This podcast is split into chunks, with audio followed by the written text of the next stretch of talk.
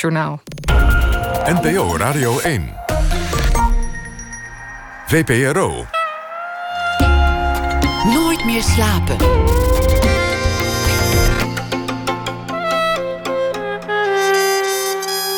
Met Pieter van der Wielen. Goedenacht en welkom bij Nooit meer slapen. Een man loopt door een bos op zoek naar zijn plek in een haast oud-testamentische wereld. Hij loopt dwars door de geschiedenis, hij trotseert de eeuwen. En zijn paden kruisen met dat van een 21ste eeuwse psychiater die op zijn manier ook zoekende is. Marcel Meuring krijgt het allemaal bij elkaar in zijn roman Eden. Straks na één uur is hij te gast. Maar eerst Ella Raven. In Museum Arnhem is een installatie te zien van de zussen Lisbeth en Angelique Raven. Wild Zone 3, een vervolg op eerder werk. We zien mensen, jong, maar hoe jong precies, dat is onduidelijk. Man of vrouw, dat blijft ook in het midden. Het is een door de zussen ontworpen schoonheidsideaal. De eeuwige jeugd, hermafrodiet. Het jaagt meer angst aan dan dat het iets is waar je op slag verliefd op zou worden. De tweeling Raven maakt veel werk dat gaat over lichamelijkheid en schoonheidsidealen. Ze zijn geboren in 1971, opgegroeid in Noorbeek in Limburg. Noorbik zeggen ze daar. Hun worsteling met eetstoornissen en hun symbiotische relatie inspireerde veel van hun werk. Angelique begon ooit in de mode, werkte in Parijs met Jean-Paul Gaultier. En Lisbeth liep stage in New York bij Nan Goldin. Maar meestal werken ze samen onder de naam Ella Raven. En uh, hun werk is echt over de hele wereld inmiddels gezien. Hartelijk welkom, uh, Lisbeth en Angelique. Hallo. Angelique, met, met jou te beginnen. Jullie uh, ouders die hadden een, een koekjesfabriek of een, of een bakkerij. Wat, was dat? Ja, dat was inderdaad een bakkerij. Het begon uh, klein, maar het werd steeds groter. Dus jullie groeiden op in, in, in de geur van koek? Ja. Hoe was dat? Nou ja, mijn ouders waren altijd druk. Maar wij gingen inderdaad naar huis uh, via de koekjes. Iedere keer door het ding. Want mijn moeder zat vaak nog koekjes in te pakken. Dus die was altijd ook laat thuis. En dan uh, was het altijd: Mam, wanneer ben je nu klaar? Want de deur was altijd op slot van huis. Dus dan moesten we die sleutel gaan halen. Dus ja, dus daar zijn we inderdaad mee opgegroeid. Maar we hadden ja, vanzelf dan meteen geen zin meer in koekjes. Nooit dus meer? nee. nee. nee. En als je, als je die geur, geur nu ruikt, gebeurt dat wel eens? Dat je, dat je langs een bakker loopt en dan de geur van vroeger weer, ja, weer maar er zijn verschillende geuren in verschillende koekjes. Hè? Bijvoorbeeld uh, bij, een, uh, bij een Marokkaanse bakker is brood ruikt ook anders dan... Uh, dus je hebt verschillende... Trouwens in het zuiden dan is er een zoetere smaak dan in het noorden. Dus dat is ook al een verschil. Dus het gebeurt eigenlijk nooit dat je de koekjes van vroeger weer ruikt? Nee, nee ja, soms herken je wel de geur, maar die specifieke geur is toch specifiek van. Uh, iedereen heeft natuurlijk een bepaald recept en dat ruikt dan toch anders. En stel dat het zou gebeuren, Lisbeth, is dat, is dat een, een, een prettige herinnering of is het dan meteen een soort trauma dat je ruikt? Nee, dus geen trauma, maar als je, een, je hebt altijd met geur, als je er te veel van ruikt, dan wordt het niet meer lekker. Dus het, het was niet. Het was niet, kijk, kinderen bij ons in de klas die zeiden: Oh, jullie hebben geluk en je kunt altijd koekjes eten. Een soort uh, Jackie en de chocoladefabriek idee. Maar wij hadden dat, dat, dat gevoel helemaal niet. Wij uh, vonden het eerder vervelend, omdat ja, mijn ouders hard moesten werken daarvoor. En uh, ja, wij aten die koekjes zelf niet. Die dus kleren wij... ruiken er ook naar. En toch, als, je, als ze thuis kwam, was het ook die geur van suiker, die zat gewoon aan de kleren. Dus dat Jullie- gaat tegenstaan ook een beetje. Als je tweeling bent, dan, dan, dan, dan ben je natuurlijk heel erg op elkaar aangewezen in, in bepaalde opzichten. Waren jullie als kind ook altijd samen? Onafscheidelijk? Ja, ja, altijd samen, ja. ja. Maar dat was ook heel makkelijk. Want wij waren altijd, hadden elkaar om eh, ons bezig te houden. En we, dat was ook heel makkelijk. Want ja, dan, de- ze konden ons overal neerzetten. En wij waren altijd braaf en spelen. En, eh, dus daar had ze weinig werk aan, mijn moeder. Ja. Je kon jullie gewoon met elkaar bezig laten houden en dat, dat, dat let wel op elkaar. In die zin is het makkelijker. Nou ja, ze had inderdaad, weet je, doordat wij elkaar bezig hielden, had ze min, niet veel werk aan ons. Dus je kon ons overal neerzetten en wij, wij vooral overal in kijken altijd. Dat, eh, ja, dat hebben we wel gehoord van mensen. Die, ze, mijn, moeder die, die heeft ons blijkbaar aan een touw soms vastgebonden aan het hek. Gewoon, en dan stonden wij gewoon naar buiten te kijken. En dan eh, zo, nou, we zaten buiten, maar zodat we niet weg konden lopen of kruipen. Maar dan ja, ging gewoon kijken naar buiten. dan hadden wij, ja, we waren heel erg in kijken altijd. Hè? Echt. En verwonderd, gewoon alles wat we zagen. En dan, samen samen de wereld inkijken of, of ook naar elkaar kijken? Ja, dat, dat weet je natuurlijk niet. Dat, uh, je denkt dat dat de normale wereld is. Hè? Eigenlijk denk je dat iedereen zo'n iemand heeft. Maar dat merk je pas als je later opgroeit dat dat natuurlijk niet normaal is. En uh, wij woonden in een heel klein dorp, dus wij waren eigenlijk zo wat de enige tweeling. Wisten wij veel dat, we een soort bezienswaardigheid. Ja, ja, een soort bezienswaardigheid waren. Dus we kregen veel aandacht, dat wel. Jullie zijn ook altijd, denk ik, toch een beetje een bezienswaardigheid gebleven. Ja. Elke tweeling heeft dat, dat. Dat als jullie samen zien dat ze gaan kijken en vergelijken. Ja, dat doen ze bij alle tweelingen. Dat ja. doen mensen bij alle tweelingen, ja. Waren jullie al concurrenten van elkaar, Lisbeth?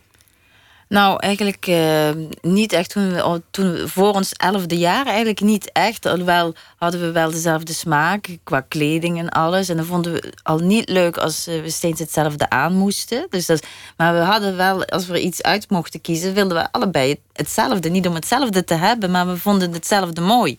En dan konden we niet zeggen van oké, pak jij dat maar, dan neem ik die jurk wel. Dat was dan tweede keuze. En dat, dat gunden we elkaar weer, juist dan weer niet. Dat was uh, een beetje tegenstrijdig. Maar je bent ook elkaar spiegelbeeld. Je, je, je ziet aan die ander wat je zelf kunt zijn. Je kunt zien wat jouw potentieel is door naar de ander te kijken, omdat je zo op elkaar lijkt. Ja, maar dan ook juist weer niet. Want dat, eh, dat heeft mij eigenlijk heel wat jaren gekost om te zien dat dat Angelique uh, op, op heel, heel veel gebieden juist heel verschillend eh, ook weer is. En dan, ik, kan ik, kan het niet, ik kan haar niet eigenlijk kopiëren. Dat is, kan ik eigenlijk helemaal niet. Maar het ging ook helemaal niet om kopiëren. Dat was gewoon, ik vind dat mooi, maar Lisbeth vond toevallig ook dat mooi. Ook als we dan apart gingen winkelen, kwamen we vaak met hetzelfde terug. Dus het was niet zo dat je denkt van, hoe zij pakt dat dus daar kijk je helemaal niet naar. Dan zou ik ook het onderspit delven. Als ik Angelique na zou proberen te doen, dan zou, het, zou zij toch te betere zijn. Dus dat moet ik niet proberen. Ik moet zoeken waar ik sterk in ben. Dat heb ik wel geleerd. Wie van jullie kreeg als eerste een eetstoornis? Ja, dat ben ik geweest. Ja. Uh, ja, Angelique dus. ja. Anders hoor je niet wie. Dus nog dezelfde stem. Angelique, maar weet je nog hoe dat ging? Hoe, hoe dat begon? Nou ja, ik was altijd heel vroeg al bezig met, uh, ja, hoe, met uiterlijk. Omdat ik, uh, ik had op een gegeven moment gemerkt dat uh, als ik jaloers was op iets of iemand, dan wilde ik het eigenlijk zelf hebben. Dan was ik niet zo dat ik dat die ander misgunde, maar meer dat ik het zelf wilde hebben. Vond, en dat dacht ik, oh, dat is gewoon een teken dat ik het zelf wil hebben of zelf ook wil krijgen. En dan moet ik daar gewoon hard voor werken, zodat ik het krijg zo is dat eigenlijk begonnen. Was ik jaloers op een, uh, op een, een, klasgenootje die van nature. Die was, ja, wij waren vrij vroeg in de, on, uh, in de puberteit. Dus dan ben je van jezelf al wat voller. En er waren nog, nog ook kinderen die waren daar nog lang niet aan toe. Die waren veel tengerder of veel kinderlijker. kinderlijker. En dan was ik, ja, ik wilde zo zijn. Ik wilde gewoon. En ik wilde niet al die, uh, al die, die puberteit uh, dingen al krijgen. En, dus uh, dan dacht ik, ja, maar dan, ik moet gewoon zorgen dat ik ook zo ben. En toen is dat, en toen ik uh, ongesteld werd voor de eerste keer, toen is het begonnen. Dus dat is een manier om de tijd tegen te houden. Om, om, om je eigen ja, misschien, ontwikkeling ja, want te remmen. We, we waren wel al heel erg bewust. Want iedereen vond dat het leuk om ouder te worden. Hè? Maar Liesbeth en ik vonden dat nooit leuk. Kijk, wel het feest was leuk. Hè? Maar uh, het realisatie dat je dan ouder werd... En dat je dan ook uit elkaar moest. Want we wisten ook, we vonden het ook stom als we volwassen waren. En we waren ook bij elkaar. Dat kon niet, dat in ons hoofd. Dus we konden ook even ons hoofd uh, in het zand steken tot we jong, nog kind waren. Maar als je dan volwassen zou worden, dan, uh, dan kan het niet meer. En dat realiseerden we heel goed toen we twaalf jaar werden. En was, die, was die, die, die, dat niet eten, dat was een manier om, om dat voor elkaar te krijgen. Om, ja, maar dat realiseer je niet nee, zo. Dat lijkt me, lijkt je bent daar gewoon, weet je, het ging, ik, je gaat naar de middelbare school. Die middelbare school vind je helemaal niet leuk. En uh, in, in, uh, in, in, op de lagere school stonden we heel erg in de belangstelling. En iedereen had uh, ook aandacht voor ons. En we waren speciaal. En dan kom je de middelbare school en niemand ziet je meer staan. Dus dan merk je ook alles, weet je wel. Oh, het ging helemaal niet om mij. Het ging alleen maar omdat ik een tweeling ben. Dat kwam heel hard aan. Dus dan op een gegeven moment wil je wel weer speciaal zijn. Of je wil je toch onderscheiden. Of je wil. En op een gegeven moment, ik dacht ook werkelijk, ik wil beroemd worden. Ik wil iets van het leven maken. Ik wil dat mensen uh, me blijven herinneren dat ik iets gedaan heb in de wereld. Uh, ik wil niet zomaar doodgaan en niets bereikt hebben. Dat, en, als ik, en toen wist ik ook al heel erg van, vroeg, van tevoren. Weet je wat, soms denk je, ja, maar dat kan ik niet. Bijvoorbeeld, er was ook een denken om naar de uh, balletacademie te gaan. Maar weet je, dan denk je, ja, maar dat kan ik niet, want dan, want dan, dan, dan moet Lisbeth ook, en Lisbeth wordt misschien niet toegelaten, en dan moet ik wel alleen, maar dan moet ik zonder haar, en dat wil ik eigenlijk niet. Dus ik, ik hoop maar dat niemand gaat, dan hoef ik ook niet. Zulke dingen. Maar eigenlijk dacht ik toen zo, ja, maar ja, moet je juist wel gaan. En dus ik heb toen heel erg gerealiseerd, ik moet hard juist van dingen die je eigenlijk niet durft, die moet je juist wel doen. Want anders ga je je schuldig voelen. En dat is het ergste wat je kunt overkomen. Denken, later denken van, had ik het maar geprobeerd. En als je het niet geprobeerd hebt, dan, ja, dan is het iets om je schuldig te voelen voor altijd. Laten we het straks hebben over, over een paar van die, van die moedige stappen die, die je later gezegd hebt uh, of, of, gedaan hebt. Maar dat, dat niet eten, hoe begint dat? Is dat dan dat je, dat je een keer een lunch overslaat of, of, of een maaltijd laat staan? Of hoe, hoe werkt zoiets? Dat weet ik eigenlijk niet zo goed hoe het is begonnen. Dat is er gewoon op een zeker ogenblik. Ja, je ziet dat het uh, heel, eigenlijk heel snel gaat. Dat denk ik ook heel makkelijk. En dan denk je, oh, dat... Uh, ja, en dan gaat het steeds beter. En dan gaat het eigenlijk heel snel. En dan ja, voor je. Uh, dan word je gewoon heel perfectionistisch daarin. En dan ga je steeds strenger zijn. Want je voelt je ook eigenlijk goed, je krijgt meer energie. En het is ook dus een prestatie, dat, dat je jezelf kunt ja, onthouden maar te weet eten. je, ik, ik was, ik, ik, het is natuurlijk al heel lang geleden, die eerste herinneringen. Het gaat ook heel erg veranderen in de loop van tijd. Want dan, ja, hoe dat eigenlijk begonnen is, weet ik niet. Maar eh, ik denk diep van, uh, diep van binnen is dat denk ik dat je dat niet wil opgroeien. Dat, dat is het begin. En ook niet, niet elkaar wil, wil verliezen. Lisbeth, weet jij hoe dat ging dat je, dat je meeging? Want op een zeker ogenblik hadden jullie allebei een eetstoornis... en waren jullie ook symbiotisch elkaar aan het vasthouden daarin.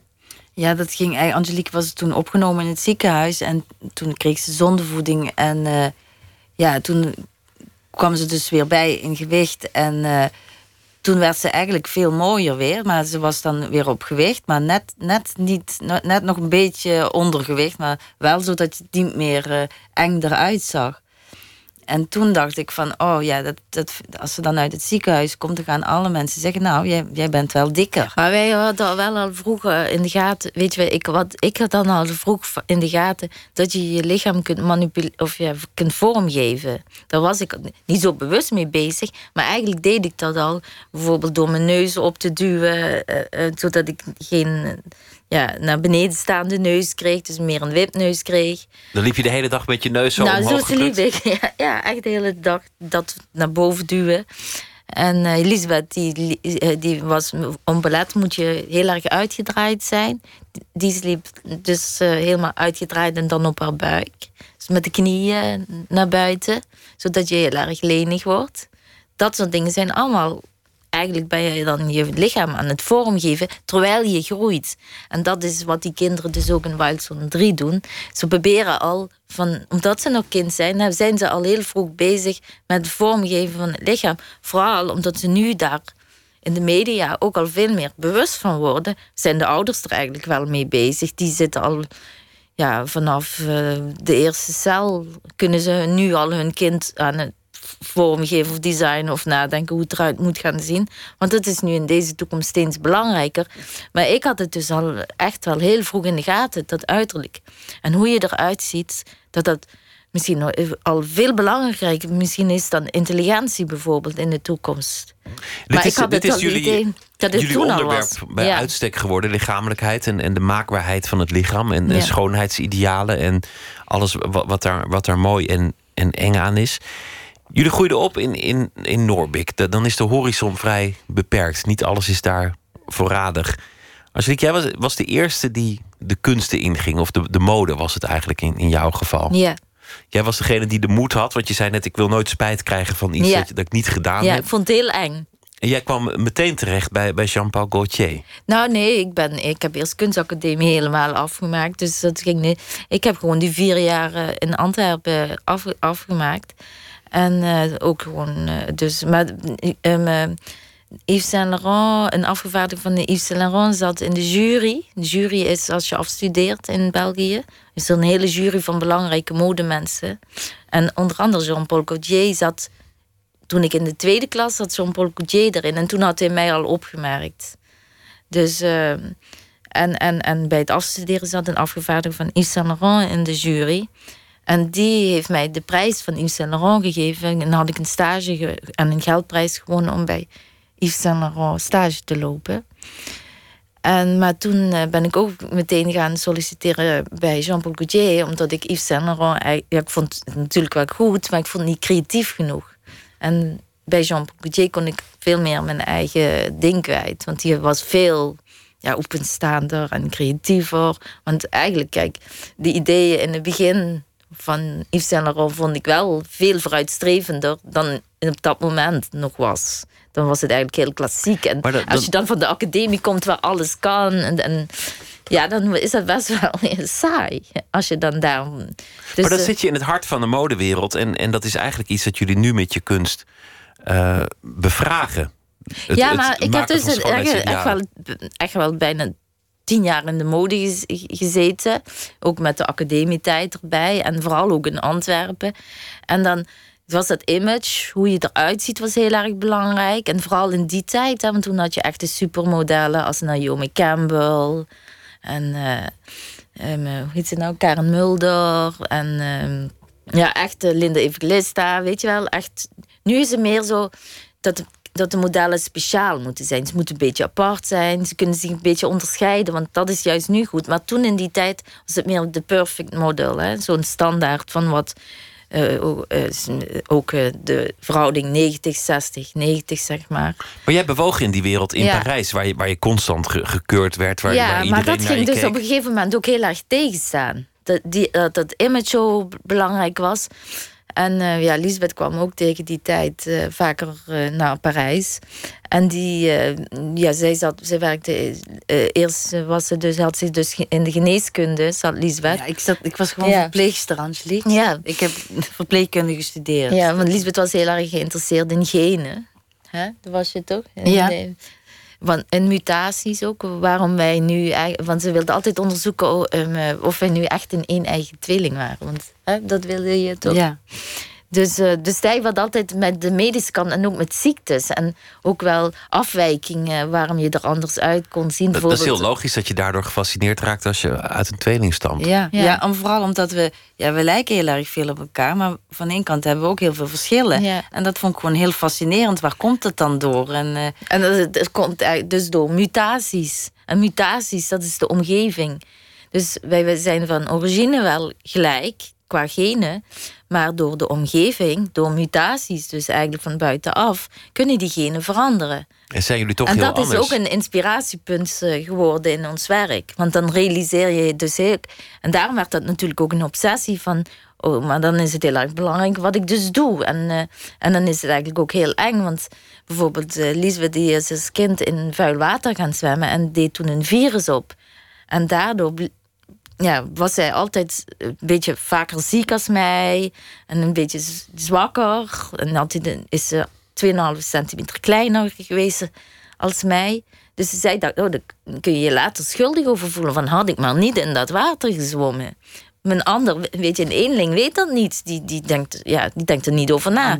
maar alles bij, bij, als je jij kunt vergelijken met iemand daarnaast. En, Weet je, ook als bijvoorbeeld als ik zou roken en Lisbeth niet en ik krijg meer rimpels, dan denk ik, ja, weet je... Men, Had ik dan maar niet gerookt, ja. Ja, dus dat soort vergelijkingen. Lisbeth, jij, jij, was, jij was vroeger de, de, de, meer timide van, van de twee. Nou, ik was uh, dat, dat, timide niet echt, maar ik was gewoon in alles wat makkelijker en zorgelozer. Angelique was echt een had overal angst en, en, en rare, rare angsten. En ik, ik was gewoon... Dus extremer overal in. Maar Angelique was degene die mondig de modewereld in Parijs inging... terwijl jij aanvankelijk nog niet je tot de kunsten aangetrokken voelde... en ook niet de moed had om Nee, ik ging altijd wat meer de makkelijke weg. En, maar ik, ik heb wel altijd heel erg Angelique gevolgd in alles. Dus ik ben veel meer een meeloper dan Angelique. En Angelique heeft mij juist wel altijd aangespoord om, daar, om, om wat meer moed te hebben. En ik, ik, heb omgekeerd Angelique altijd heel erg ook gesteund. Op een andere manier. Dus ja, we hebben elkaar altijd heel erg geholpen. Op, ik, ik heb Angelique dan weer geholpen met een sollicitatiegesprek. Dat werd, moest Angelique bellen bij Jean-Paul Gaudier in het Frans. Ja, eh, en heeft vaak de telefoongesprekken voor elkaar gedaan. Ja, en dan heb ik gewoon omgekeerd Angelique voor mij dat gesprek voor de stage geregeld in New York. En ik deed voor haar het sollicitatiegesprek met Jean-Paul Gaultier. Dus Lisbeth is beter in talen. En ik ben beter in B-vakken. Dus vandaar. Ik moet al het rekenwerk doen en zij doet alle. Angelique, jij regelde een stage voor Lisbeth in New York bij, bij Nan Golden, een hele beroemde fotograaf. Wat was het moment dat, dat je al een beetje in de kunst werkte en dat je ineens jezelf als onderwerp ontdekte? Want nou, je, je had toen toch nog een, een, vrij flinke eetstoornis. Dat was, was een van de thema's in je leven. Wat was het moment dat je dacht: dit zou ook een onderwerp kunnen zijn? Nou ja, ik, ik was op de kunstacademie was ik heel boos en ik maakte ook heel erg chockerend werk, maar ik wist eigenlijk niet waarom. En toen ik dus die stage bij uh, eh, PL Di Corsia en Nan Golden uh, deed, dat zijn tijdgenoten van elkaar, die zaten samen bij elkaar op de kunstacademie en waren ook vrienden. Vandaar dat ik ook samen eerst bij Nan Golden en toen daarna nog bij PL Di Corsia dus stage liep. En uh, ja, toen merkte ik gewoon, weet je, wat zij hebben, zij, wat, wat zij hebben meegemaakt in hun leven is heel schaamtevol. En zij durven dat gewoon, uh, ze durven dat gewoon te laten zien en open te gooien. En het maakt het werk zoveel kwetsbaarder en eerlijker. En op de kunstacademie is iedereen beïnvloed door dingen. En maakten ze hetzelfde allemaal eigenlijk. En dacht ik van, dat moet ik niet doen. Ik moet uit mezelf putten. En ik moet juist dat kwetsbare durven laten zien. Ook al is het zo schaamtevol. En, eh, want ik, wist dat we iets heel raars hadden. En het idee van dat niemand in de wereld dat had. En ik vond gewoon dat, het, dat, dat ik dat moest uh, laten zien. En dat ik dat uh, uit de taboesfeer moest halen. En dat het dan heel veel oprechter oprechter werk zou worden. En toen kwam er iets, iets vreemds. De, de, de kunstwereld omarmde dat werk. Die, die zagen dat het bijzonder en sterk was. En dat het heel persoonlijk was wat jullie uitbeelden. Maar het verhaal werd ook vaak verteld. Twee zussen die elkaar vasthouden in, in anorexia. Die bijna een, een wedstrijd vermageren met elkaar doen. Die elkaar dwingen om precies hetzelfde te eten. De verhalen zijn vaak verteld. Die elkaar braaksel laten eten als, als de ander te veel gegeten heeft jullie ouders die, die werden via die kunst met dat verhaal geconfronteerd. Hoe, hoe vonden die dat? Nou ja, kijk, ze wisten natuurlijk ook wel dat, het, uh, dat, het, dat we dat probleem hadden. Alleen ja, zij schaamden zich er natuurlijk wel voor dat wij dat zo in de openheid gooiden. Daar waren zij niet blij mee. Maar dat was natuurlijk de eerste instantie. Was het natuurlijk voor veel mensen zo schokkerend, omdat heel veel mensen met die problemen ook zelf kampen. En daardoor spreekt dat werk natuurlijk ook aan. Maar daar ging het juist ook om. We wilden het uit de taboesfeer trekken. En, ook het en we wilden het... werk maken. Kijk, kunst hoeft niet mooi te zijn. Hè? Kunst is geen decoratie.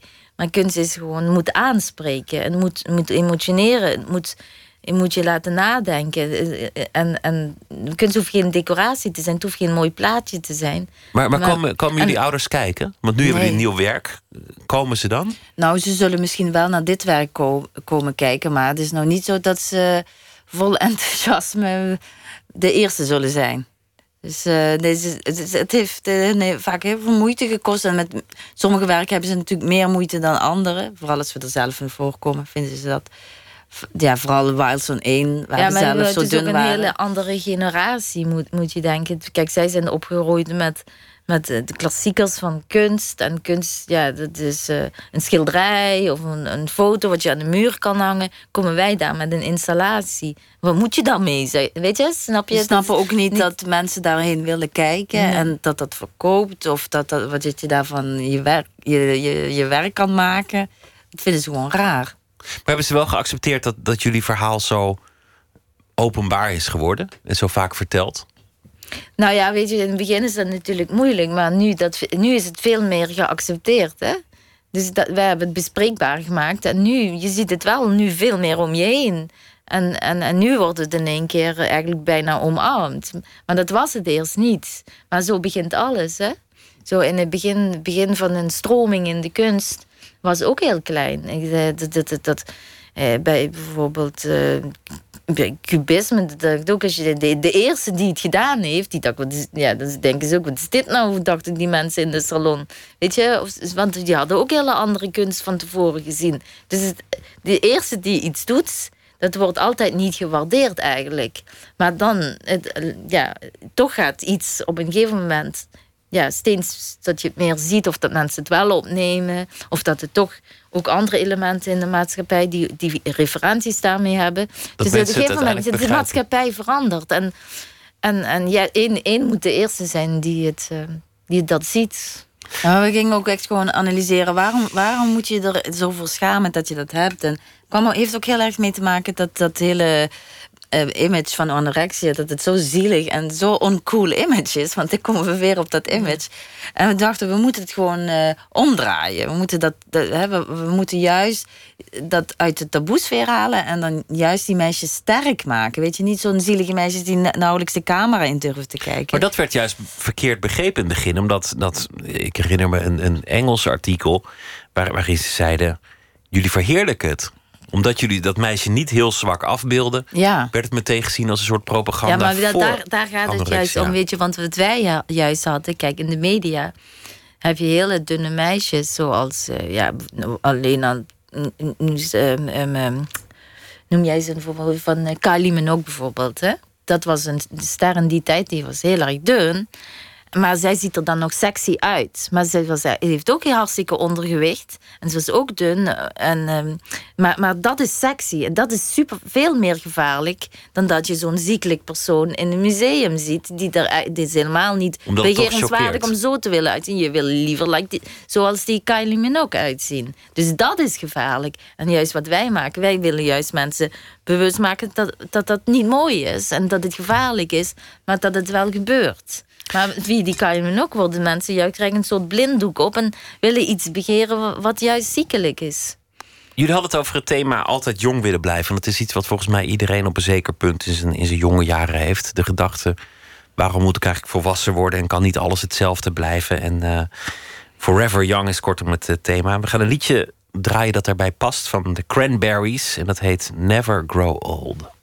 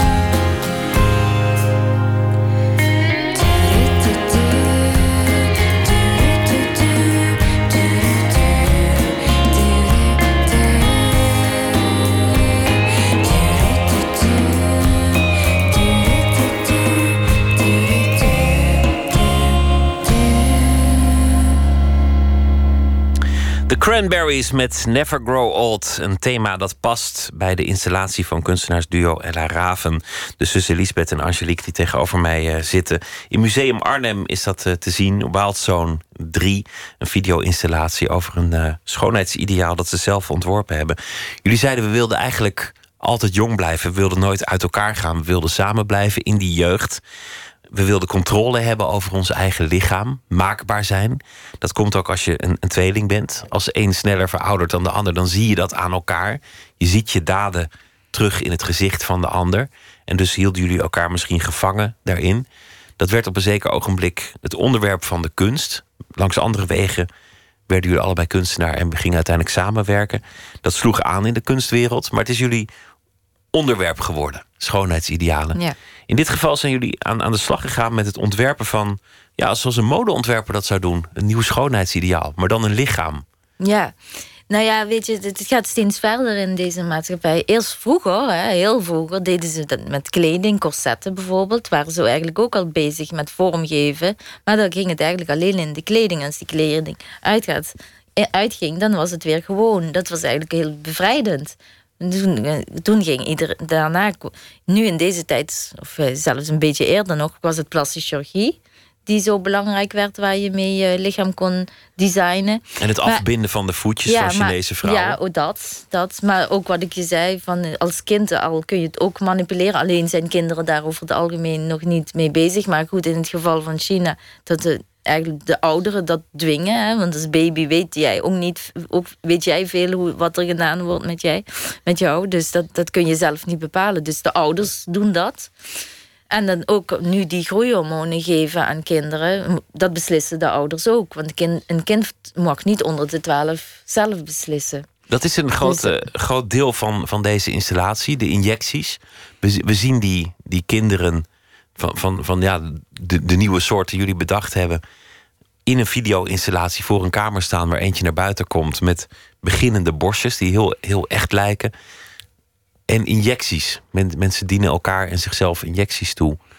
waarom vonden jullie dat zo interessant, die injecties? Nou uh, ja, die injecties, dat is uh, decapeptiel en dat, uh, dat stopt alle hormoonproductie.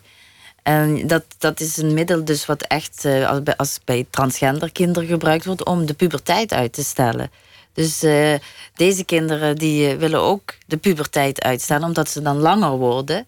En ook omdat ze gewoon niet uh, die, die problemen willen wat met volwassenheid te maken hebben. Dat je dus wel ofwel. Als, je, als je dus man of vrouw wordt, dan verlies je je kinderlijke gedrag en je, ja, je kinderlijke fantasie en je on, onbezorgdheid. En daarom willen ze gewoon niet volwassen worden. En dus dat doen ze dan met behulp van die injecties. Maar ook wij, eigenlijk, eigenlijk is het ook zo, wat ze eigenlijk onbewust dan zelf niet zo in de gaten hebben. Maar onbewust is het natuurlijk ook dat voorplanting zorgt ervoor dat we verouderen. Dus als zij die voorplanting gewoon nu uitschakelen, dus ook niet die hormonen niet krijgen, niet man of vrouw worden, dan doe je dus eigenlijk de voorplanting uitschakelen. En dan word je vanzelf, wordt het mens ouder. Dus dat zit er ook een beetje achter van, ze willen de tijd stopzetten. En, en, en het doet er niet toe of ze man of vrouw zijn. Ze zijn puur met een soort nieuw mensbeeld, een soort toekomstbeeld. Ja, eh, zijn ze aan het vormgeven. En uh, een hele eigenlijk bevrijdende wereld in hun ogen dan.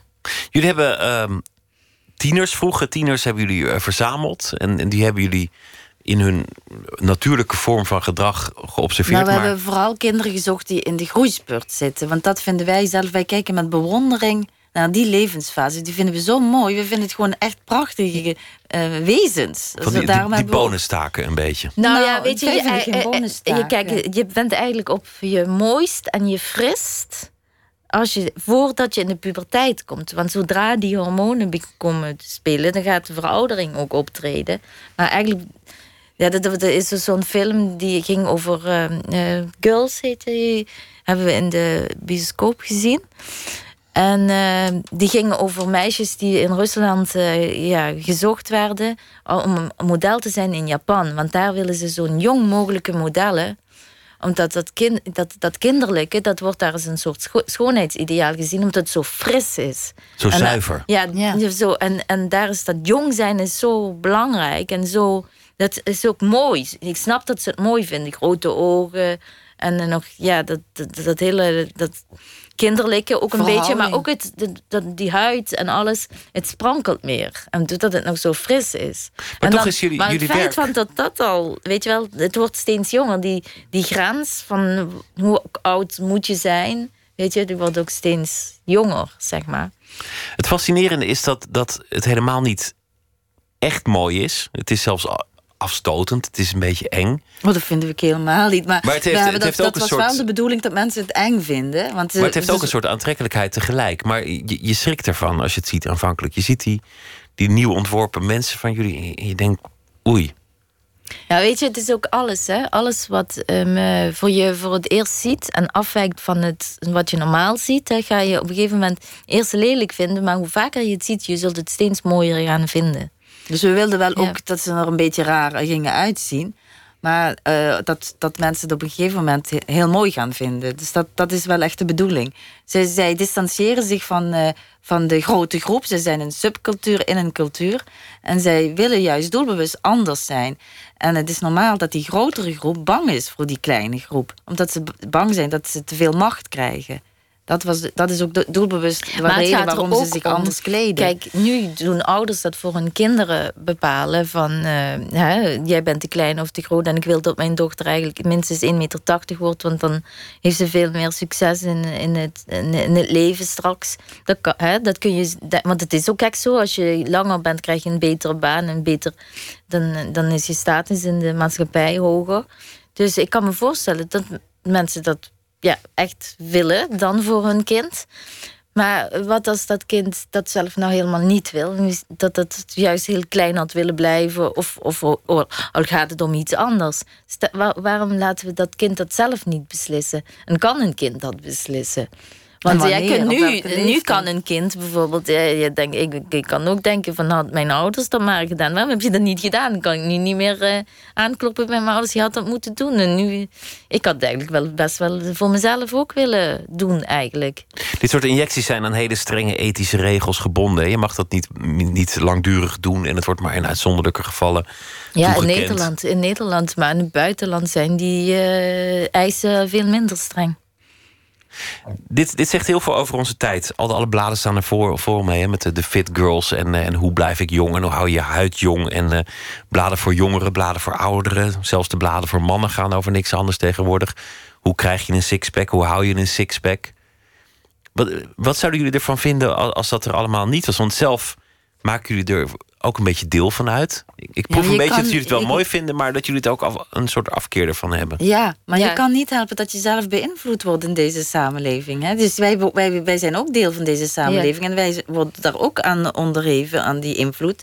Dus wij, dat, ik vind, ik haat dat, dat ik, dat, dat ik het ook mooi ga vinden. We willen wel de mensen bewust maken dat ze worden beïnvloed door, eh, door door, door wat ze om zich heen zien. En dat, dat, dat je je daar wel van bewust moet zijn. Als je er niet van bewust bent en je laat je maar beïnvloeden, kun je daar een slachtoffer worden. Maar als je ervan bewust bent, dan kun je dat een beetje tegen weren. Jij bent nu uh, moeder van twee kinderen sinds, uh, sinds een aantal jaren. Dat was al een, een, tijd lang je wens. Je hebt, je hebt het eerst met een donor geprobeerd en toen ben je verliefd geworden. Ja. En, en nu ben je dus moeder. Dat betekent dat die dingen op een heel andere manier jouw leven inkomen. Want ten eerste maak jij nu zelf iemand. Die, die, die help jij vormen. Twee iemanden zelfs, twee kinderen. Ja, het is, het is wel echt zo van dat. Uh, als je met een donor uh, dat probeert, is het heel anders dan dat je op iemand verliefd wordt. En dat, dat vond ik toen al hoor. Toen als ik, ik wist dat dat het ideaal was, is dat als je met, op iemand verliefd wordt, dan maakt het niet uit hoe diegene eruit ziet. Want dan is die persoon gewoon ideaal voor jou. Maar als je die persoon niet hebt, dan, dan ga, je, ga je veel strengere eisen stellen. Terwijl dat hele, helemaal niet. Uh, aan, aan, de donor bedoel aan de donor, ja, ja, want we vonden toen in die tijd vonden we het eigenlijk heel raar dat dat vrouwen gewoon naar de spermabank gingen en dan gewoon out of the blue sperma van iemand kregen. Niet weten hoe die uitziet. Niet weten hoe. Want je mag niet een soort verlanglijstje op, opstellen van hij moet een wetenschapper zijn met een IQ van 200 of Nou ja, nu kan dat wel, maar in, toen kon dat niet. En, en, nou ja, nou, toen, waren nu kan wel... meer, maar ook nog niet alles. Je kan niet zeggen van doe mij maar een donkere neger. Nee, nee. dat kan niet. Kan niet. Nee. Dus, dat was uh, eigenlijk wel je wens toen. Ja, toen wel, ja. Maar dat, dat, dat, dat, uh, dat, dan zijn ze geïrriteerd. Ja, we zijn Sinterklaas niet, dat zeggen ze dan zo. En maar, uh, ik vond dat best wel raar. Ja. Want je mag wel ja, vragen je, nou, een man met blauwe ogen. Ja, en, en, en, ook een hoge opleiding ja. kun je ook vragen. Maar dus nu dat zeg is je, best wel raar. Maar dit, dus, deze kinderen komen uit liefde voort, dus die zijn perfect zoals ze zijn, want ze zijn van jou. Maar ook, ja, de, en je, liefde. je partner is ook perfect in jouw ogen, in al zijn onperfectheid. Omdat je daar verliefd op bent geworden. En dat, ja, dat, dat, is, gewoon, dat is gewoon natuurlijk. En dat is toch het ideale. Jullie moesten eerst los van elkaar komen voor er, voor er een verliefdheid of een partner of, of zelfs een, een, een, een kind had kunnen komen. Want, want heel lang, tot, tot, tot ver in jullie leven, bleven jullie aan elkaar vastklampen. Ja, dat is heel erg, omdat ik, ja, ik, ik ben heel erg, uh, ja, dat ik voor Angelique wil zorgen. En ik voelde me heel erg verantwoordelijk voor haar. En dat vond ik ook heel moeilijk, want ik was gewoon bang als ik, dat we, als, we, als ik haar zou verlaten, dat zij het niet zou redden. Dat was een hele moeilijke stap. Was dat ook zo? Zou je het niet redden? Was er sprake ja, van? Ja, nou ja, weet je, ik dacht dus dat toen, we hebben niemand anders nodig. Weet je, dat, dat, dat had ik inderdaad. Dus... Uh, maar ja, ik, ik dacht ook dat dat nooit zou gebeuren. Dat jullie altijd bij elkaar zouden ja, blijven? Ja, ja. Dat was een moeilijke tijd, ja. Toen jij zei, ik, ik ga weg, dat was voor jou een liefdesverdriet of erger? Nee, erger hoor. Je hele grond wordt weggetrokken onder je voeten. Hoe is dat nu? Ja, ik ben die crisis overheen. Maar dat, ik heb, dat is gepaard met angstaanvallen. En uh, dat was heel zwaar. Maar nu leef je alleen? Ja, maar ik heb wel een vriend, maar dus dat helpt. Maar, maar het is nog altijd lastig. Uh, als ik echt alleen in een uh, thuis ben en ik stilte, dat kan ik niet tegen. Dan moet ik echt de radio aandoen. Ik moet mensen horen praten. Dus uh, dat is wel, ja. We zijn natuurlijk altijd van kind af aan gewend om samen te zijn. Dus we hebben al ja. heel veel moeite met stilte. Want ja. er, was, er was nooit stilte, want er was altijd wel iemand aan het praten. Hoe was het voor jou om, om, om die breuk te veroorzaken destijds? Nou ja, dat, dat, dat, ik, ik had zoiets van, ja, anders gaan we er allebei aan onderdoor. Dus ik had ook het gevoel dat ik geen keus had. En ik hield het gewoon echt niet uit. Ik stikte zo wat, dus uh, ik had geen keus. En ik, ja, ik was, ik was heel bang dat Angelique dood zou gaan, maar ik, ik wist ook dat het, dat, dat het moest. Echt dat ze dood zou gaan? Zo, ja. zo ver ging het? Ja, daar was ik echt bang voor. Maar anders waren jullie allebei ten onder gegaan, of in ieder geval Ja, jijzelf. dan, uh, ik was al echt jaren ongelukkig in die relatie. En Angelique was eigenlijk degene die de regels bepaalde. En de dominante van ons twee. Dus ik, ik vond echt dat ik het onderspit delfde. Dat, op een gegeven moment in symbiose is er altijd... Is, is meestal zo dat beide individuen voordeel halen uit die symbiose. Maar op een gegeven moment was het zo dat dat Angelique alleen maar voordelen uit die symbiose haalde en ik niet. Dus dan ontstaat er een soort disbalans waardoor... Uh, waardoor je het niet meer als een voordeel gaat zien. Zie jij dat ook zo? Ja, maar voor mij was het natuurlijk heel erg wat er gebeurd was. Want uh, ik had natuurlijk, doordat ik zo lang niet uh, gemenstrueerd had, was, dus mijn hormoonproductie was altijd heel laag, heb ik die rugverzakking gekregen. En daardoor was ik heel, hoe noem je dat? Uh, desastreus? Ja, desastreus, maar ook. Um, ja, um, weet je, alsof het niet, weet je, ik, ik, kon, ik kon dan niet, daarom had ik haar zo nodig toen. Omdat uh, dat, dat, dat, dat, ik, dat ik daar juist op gepakt ben. Ik wilde altijd langer zijn, sowieso al, wat ik zei. Ik was al met, daar heel vroeg mee bezig. En dan krijg ik ook nog die straf dat ik een rugverzakking krijg van 9 centimeter. In elkaar zakken. Dus echt uh, zoveel kleiner worden. Dat heb ik echt heel zwaar gevonden. Dat vind ik nog altijd heel moeilijk. En als er een operatie zou kunnen zijn om dat te verbeteren, zou ik het doen. Er is toen in die tijd een, een, documentaire over jullie gemaakt. Jullie zijn toen ook de gast geweest bij 24 uur met, met, met Wilfried de Jong. Waar, waarbij uh, een, een slordigheidje van de redactie er heel veel chocola in, in dat gebouw lag. Terwijl jij op dat moment moeite had om te remmen als, als er iets gegeten werd. Ja. Achteraf ja. onhandig van de VPRO om, om daar dan zoveel chocola neer te leggen. Als ik, als ik jullie nu zie, heb ik het idee dat, dat, dat ik tegenover mensen in een heel andere stemming en situatie zit. Dat, dat het eigenlijk veel beter gaat.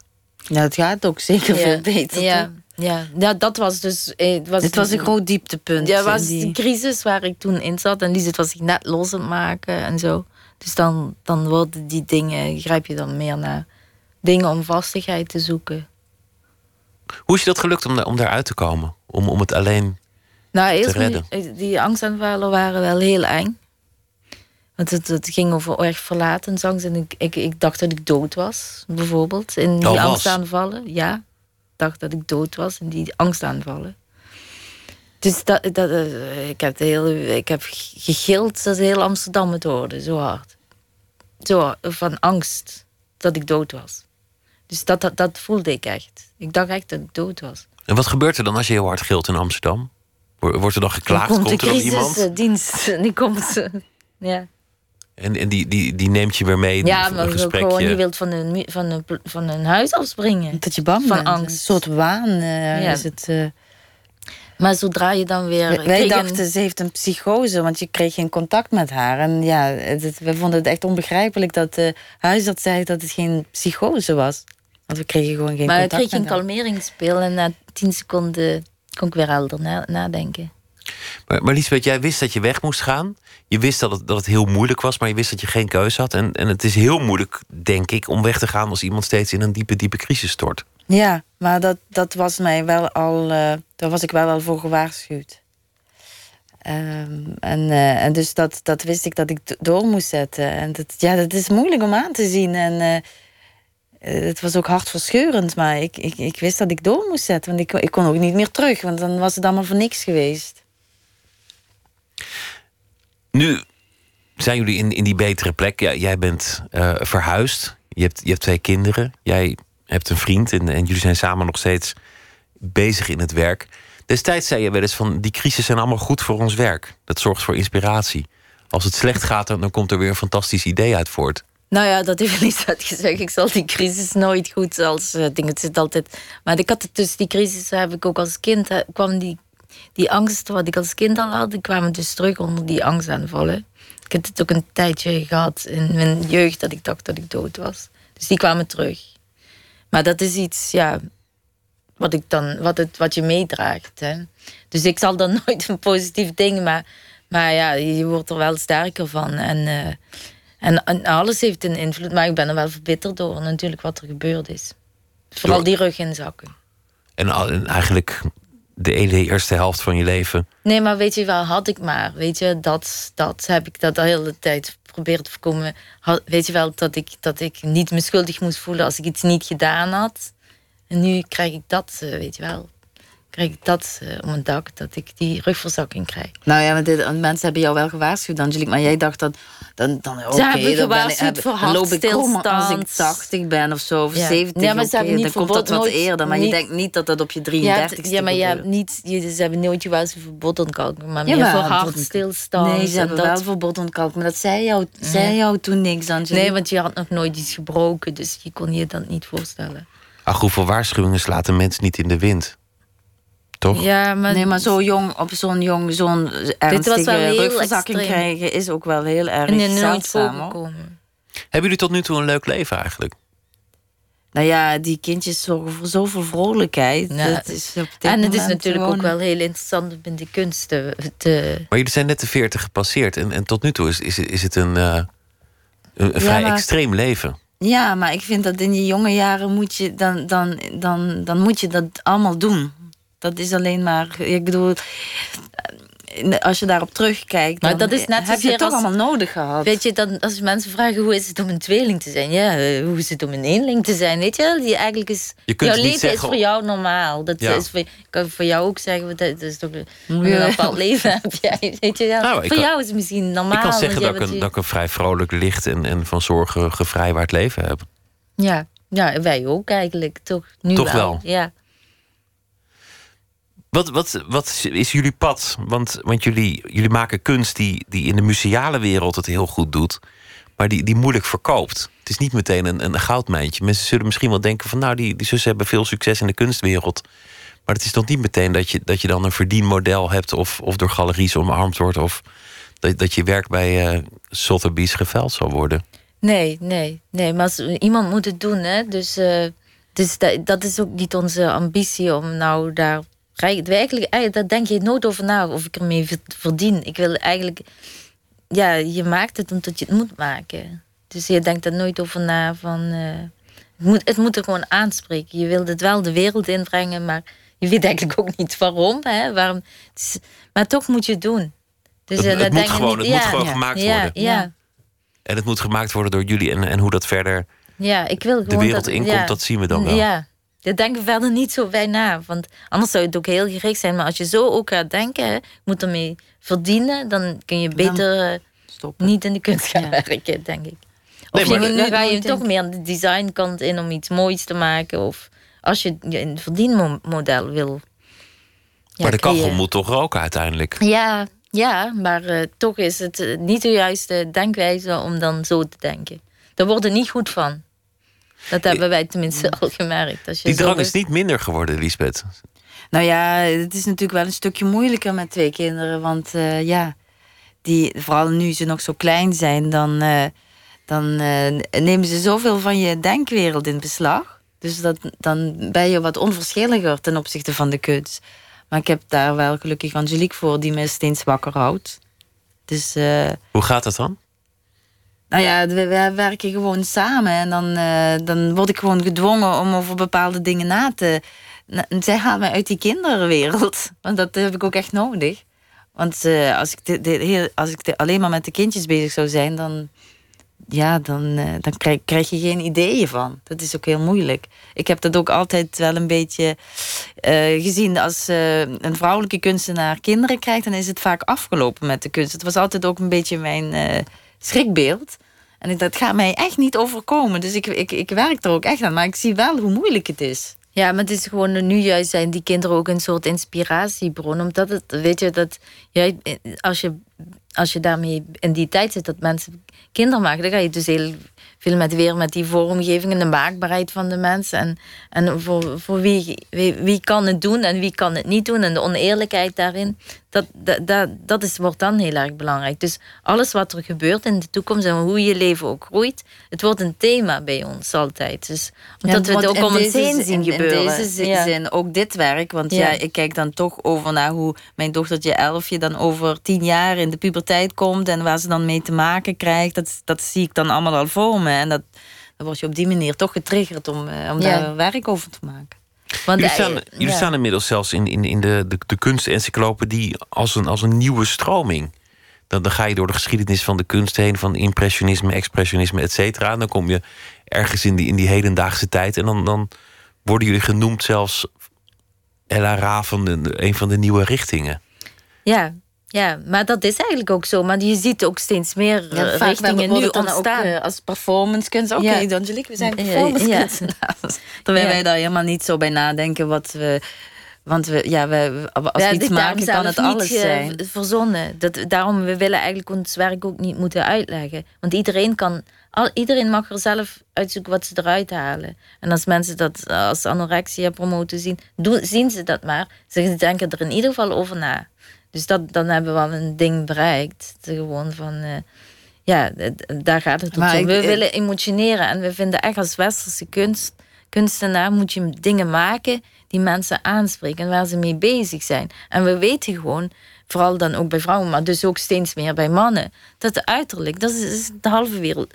Die is daar meer, eh, die denkt daar gewoon het grootste gedeelte van de dag. En zijn ze daarmee bezig. En tegenwoordig is iedereen vooral met zichzelf bezig. Ja, en ook hoe je je presenteert op Instagram. En je gaat niet meer alle foto's plaatsen, je gaat dat selecteren. En het wordt steeds belangrijker. Uh, wat je deelt. Dus ja, dan, dat, dat, dat, dat, ook dat perfecte beeld van jezelf, dat moet je naar buiten brengen. Dus je krijgt een soort nepwereld. Die, de, de echtheid gaat heel erg verloren. En dat, is, dat, dat, dat willen we mensen gewoon ja, bewust maken. Gewoon. Het is allemaal uiterlijke schijn. Vanaf heden uh, te zien in Museum Arnhem. Vanaf uh, komend weekend een installatie van uh, Ella Raven. Wild Zone nummer 3. Dank dat jullie te gast wilden zijn. En heel veel succes met alles dat jullie zullen ondernemen. En we gaan luisteren naar Julia Jacqueline met een nummer dat heet Small Talk.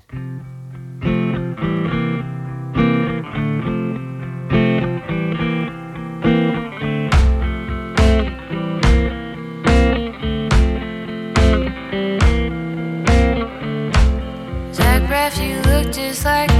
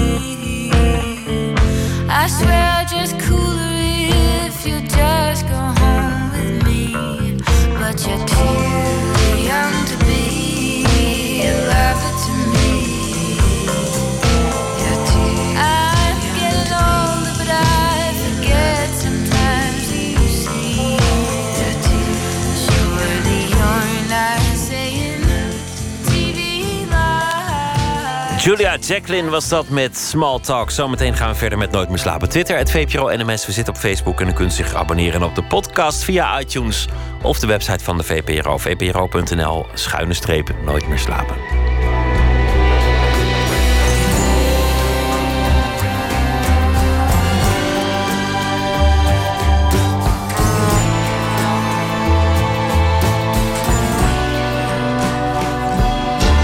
Op Radio 1. Het nieuws van alle kanten.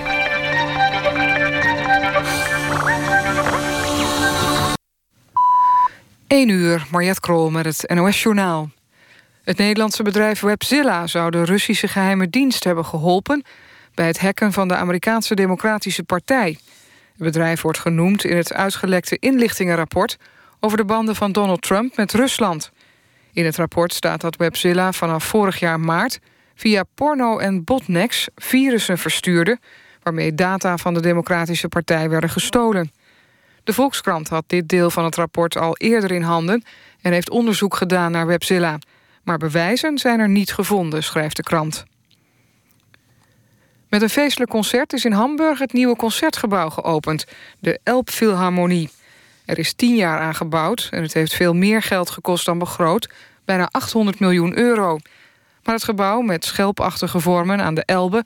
wordt nu al geroemd om zijn uiterlijk en zijn akoestiek. Onder de 2100 genodigden voor het eerste concert... waren veel bekende Duitsers, ook bondskanselier Merkel en president Gauck. Gauck noemde het nieuwe Hamburgse concertgebouw... een juweel voor Duitsland. Om het manifest voor een betere ouderenzorg... van Hugo Borst en Karin Gamers uit te voeren... zijn anderhalf à 2 miljard euro nodig... en 70.000 extra zorgmedewerkers. Dat blijkt uit berekeningen van branchevereniging Actis...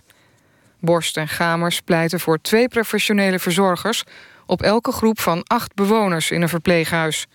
Gezien de krapte op de arbeidsmarkt is dat een enorme uitdaging, zegt Actis.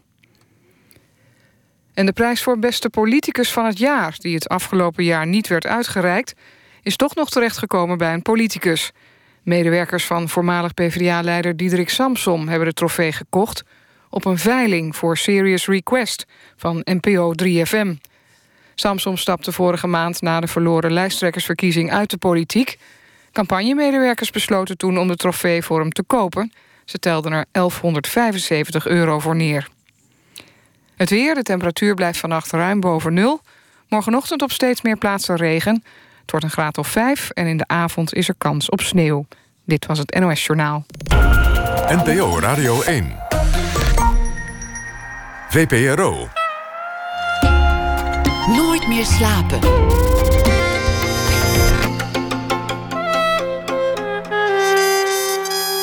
Met Pieter van der Wielen. Overal in de stad, op stations, in winkelstraten, woonwijken, op abris, overal letters. We gaan zo meteen op uh, pad met letterontwerper Bas Jacobs... die een typografische toeristengids voor de stad Amsterdam heeft samengesteld. Marcel Meuring komt langs. Hij uh, vertelt over zijn nieuwe boek Eden. En dat is een uh, boek dat zich afspeelt in verschillende tijden... waarin personages uit verschillende tijden op elkaars pad komen. En F. Starik zal een verhaal voorlezen bij de voorbije dag zometeen. Maar we beginnen met het culturele nieuws. Wat er vandaag allemaal gebeurde, min of meer. De Jamaicaanse schrijver Marlon James heeft aangekondigd dat hij een science fiction trilogie gaat schrijven. Dark Star wordt de titel. En dat moet een soort Afrikaanse Game of Thrones worden. Want, zo zegt de Man Booker Prize winnaar, er is een tekort aan fantasy verhalen gebaseerd op de Afrikaanse geschiedenis en mythologie. Terwijl juist die cultuur zich zo mooi voor het genre zou lenen. De film Brimstone van regisseur Martin Koolhoven heeft al aangetoond dat de western nog springlevend is. Maar nu gaan ook de gebroeders Coen weer aan de slag met een western. Ze krijgen er geen genoeg van. Vandaag hebben ze bekendgemaakt dat er een nieuwe western-serie aankomt. De titel is The Ballad of Buster Scruggs. Eerder maakten ze natuurlijk de film No Country for Old Men. Daar kregen ze maar liefst vier Oscars voor, dus het belooft allemaal veel goeds. George Lucas, de geestelijk vader van Star Wars, loopt al een decennium rond met plannen voor een eigen museum. Maar dit keer heeft hij de locatie gevonden. Het moet gaan heten The Museum of Narrative Art.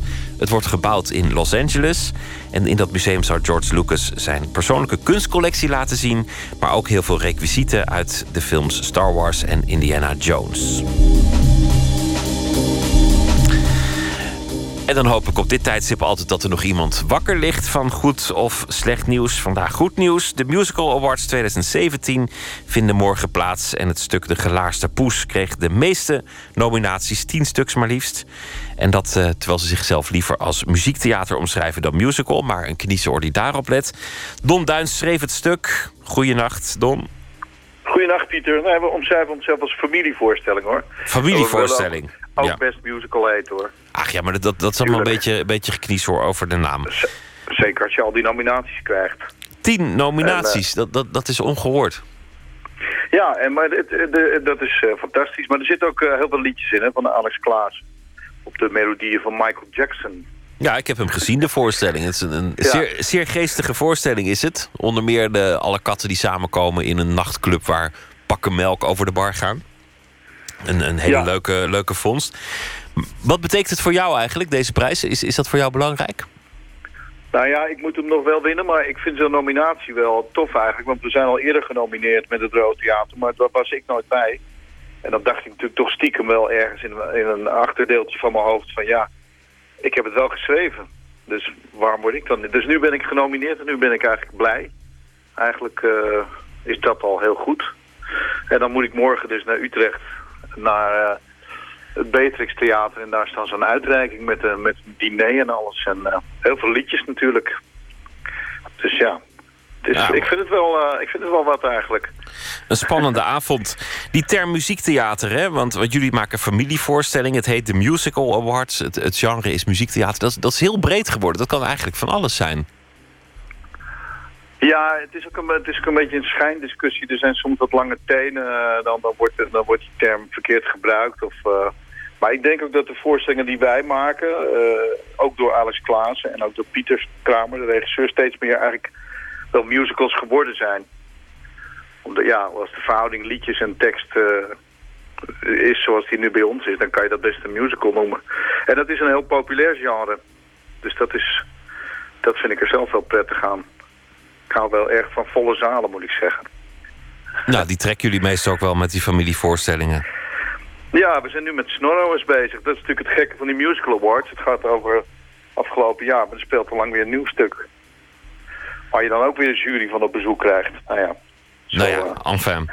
De gelaarste, de gelaarste poes. Het is alweer een, een, een, jaar geleden dat ik de voorstelling zag. Maar uh, ik gun jullie uh, in ieder geval een paar awards. Of jullie ze alle tien moeten krijgen, dat moeten jullie zelf weten. Maar uh, een paar toch zeker. Ik wens je morgen veel sterkte. En niet, niet woelen vannacht. Nee, nee, nee. Ik ga niet woelen. Mooi. Muziekjes draaien. Don, goeienacht. Dankjewel. Goeienacht.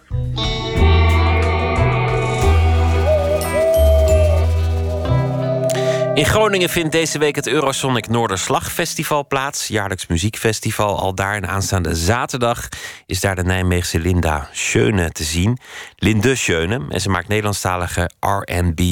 We gaan luisteren naar Zie het in.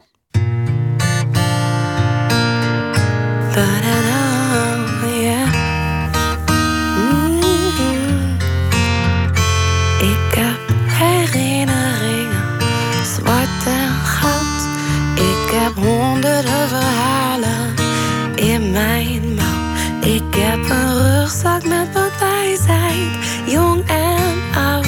En ik loop, ik loop. Ik discussieer met de wind over het pad wat ik kies. Ik luister naar de stad omdat ze alles ziet. Ze zegt ik snap het als je door moet maar vergeet mij niet. En ik loop,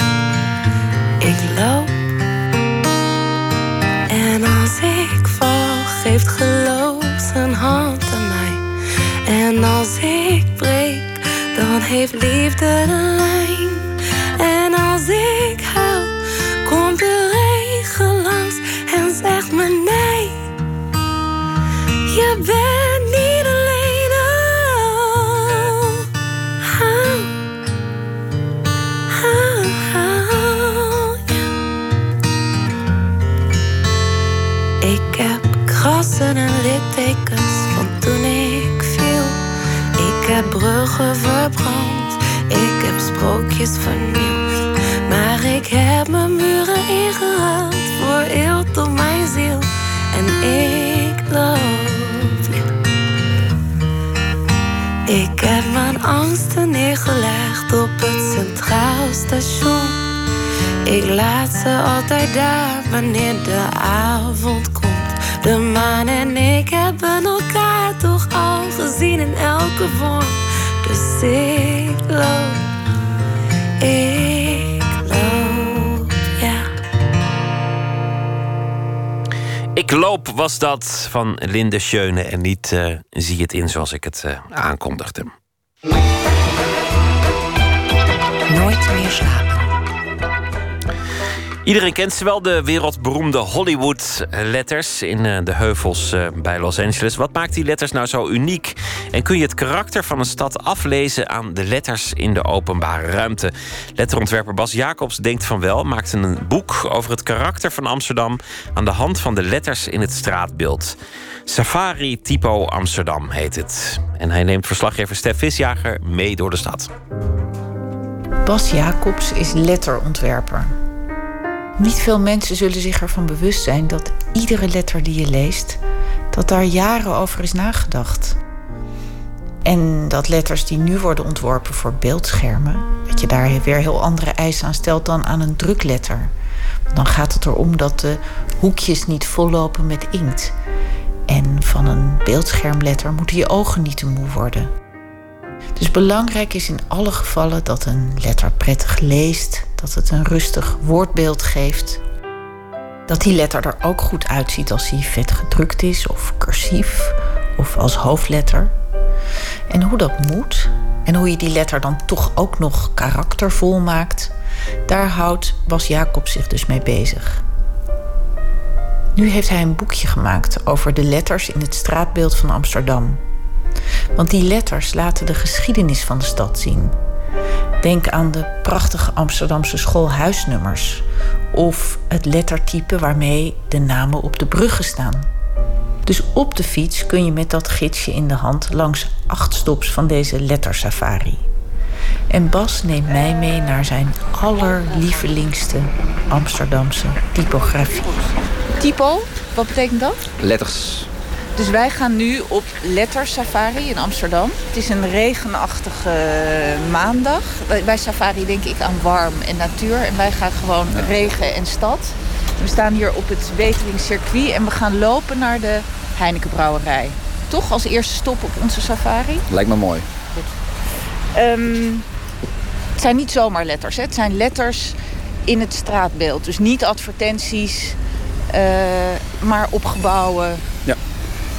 Ja. Waarom heb je dat gedaan? De aanleiding was een eh, Franse documentairemaker, Thomas Sip. Die eh, heeft een serie documentaires gemaakt in acht steden over de hele wereld. Van Montreal tot Barcelona tot Berlijn en ook Amsterdam. En die heeft in elke stad heeft hij, eh, een letterontwerper gevraagd hem rond te leiden. En hij heeft op die manier geprobeerd een portret te maken van een stad aan de hand van de letters die zichtbaar zijn in de openbare ruimte. En die zijn natuurlijk anders dan letters op posters. Want die letters in de openbare ruimte die zijn er over 20, 30, 40 jaar nog steeds. En die bepalen mede het, eh, het aangezicht van een stad. Maar hier lopen we nu links van ons is een, een monument. Een volk dat voor tirannen zwicht zal meer dan lijf en goed verliezen dan dooft het licht. Ik, ik ben heel benieuwd hoe jij hier nu naar kijkt. Het is een bakstenen muur met grijze letters erop. Voor mij heel neutrale letters. Ik zie geen hoofdletters. Eigenlijk geen leestekens. Wat denk jij hiervan? Hoe kijk jij hiernaar? Ik zie alleen maar gemiste kansen. Ja, leg eens uit. Ja, uh, er is nooit één ultieme oplossing voor een probleem. Voor, voor, als je iets moet maken, dat kan altijd op heel veel verschillende manieren. En zij zijn niet tot de meest gelukkige oplossing gekomen hier, denk ik. Uh, misschien was het tijd of misschien was het geld. Uh, misschien maar, was het smaak. Maar, want waarom is het belangrijk hoe je iets opschrijft? In wat voor letters? Leg me dat ten eerste eens uit. Ik kan lezen wat er staat. Ja, ja. maar dat is een beetje hetzelfde als kleding, denk ik. Zeg maar, waarom is mode belangrijk? En elk kledingstuk houdt je warm. Alleen het ene rokje geeft een ander beeld en voel je je anders in. En voel je geeft een ander mens in dan dat je een ander rokje aan hebt. Of, of het ene jas voel, voel je je lekkerder in dan een andere jas. Terwijl ze houden je allemaal warm. Maar zou ik deze uh, spreuk of deze dichtregels anders lezen of anders ervaren als ze in andere letters geschreven waren? Is dat wat je zegt? Zeker. Goed, dan lopen we door naar waar een stop uit jouw uh, uh, safari-gids. En dat is de Heineken Brouwerij. Daar staan wij nu aan de andere kant van, de, van het water. En die letters vind je wel geslaagd. Ik vind de spatie heel mooi. De spatie tussen Heineken en Brouwerij. Ja. Er staat Heineken Brouwerij. Ja. Ja. ja, dit is wel de mooiste woordspatie in Amsterdam. En ik heb me eigenlijk altijd afgevraagd... hoe komt dat grote gat aan? Dat is eigenlijk heel onlogisch. Dat, dat klopt niet. Nou, en als je er een beetje in gaat verdiepen... dan merk je op een gegeven moment waarom die woordspatie zo groot is. En dat dat eigenlijk, eigenlijk heel mooi is. De eerste twee generaties Heineken zijn eigenlijk vooral bezig geweest met het uitbreiden van het bedrijf en de kwaliteit van het bier verbeteren. En de derde generatie, de, misschien de meest bekende, Freddy Heineken, is eigenlijk vooral bezig geweest uh, uh, het bedrijf bekend te maken. Het was wel een heel groot verschil. En in 1954, als ik me niet vergis, heeft hij verlof gevraagd aan zijn baas of hij zes weken naar Amerika mocht gaan uh, voor een trip. En heeft hij toestemming voor gekregen. En volgens mij zei hij, weet ik niet helemaal zeker, maar goed erin, maar volgens mij zei hij zelfs aan het einde van het gesprek nog van ja, sorry. Uh, trouwens, ik heb sinds gisteren weer de meerderheid van aandelen. Dus ook al had je me geen toestemming gegeven, ik was toch gegaan. En hij heeft zich die zes weken lang in Amerika verdiept in hoe in Amerika producten in de markt gezet worden. Hoe Coca-Cola dat doet, hoe daar reclame gemaakt wordt. En hij is teruggekomen en hij heeft gedacht van ja, ik moet mijn brouwerij heel anders aan gaan pakken. Dus hij wilde in één keer niet meer een product gaan verkopen, uh, maar hij wilde een merk gaan verkopen. Dus in plaats van Dortmunder bier of Bavarian bier wilde hij gewoon Heineken bier gaan verkopen. En sterker nog, het hoefde geen Heineken bier te zijn, maar het moest gewoon Heineken zijn. Want hij dacht, als er Heineken op staat, dan zullen mensen echt niet denken dat het een pakje chocomel is. Dus hij wilde Heineken. En het probleem dat hij had, is dat er overal op alle vrachtauto's, ook op die gevel, stond dus Heinekens brouwerij. En hij wilde die apostrof en S wilde die weg hebben. Hij wilde er geen Heinekens brouwerij, want hij verkoopt geen brouwerij, hij verkoopt bier. Hij wilde gewoon Heineken hebben. Heeft hij zes jaar intern voor moeten strijden om alle neuzen dezelfde kant op te krijgen. En zes jaar later is het hem gelukt de etiketten van het bier te veranderen. Uh, vrachtauto's te veranderen en onder andere hier de gevel te veranderen en die apostrof en S te verwijderen.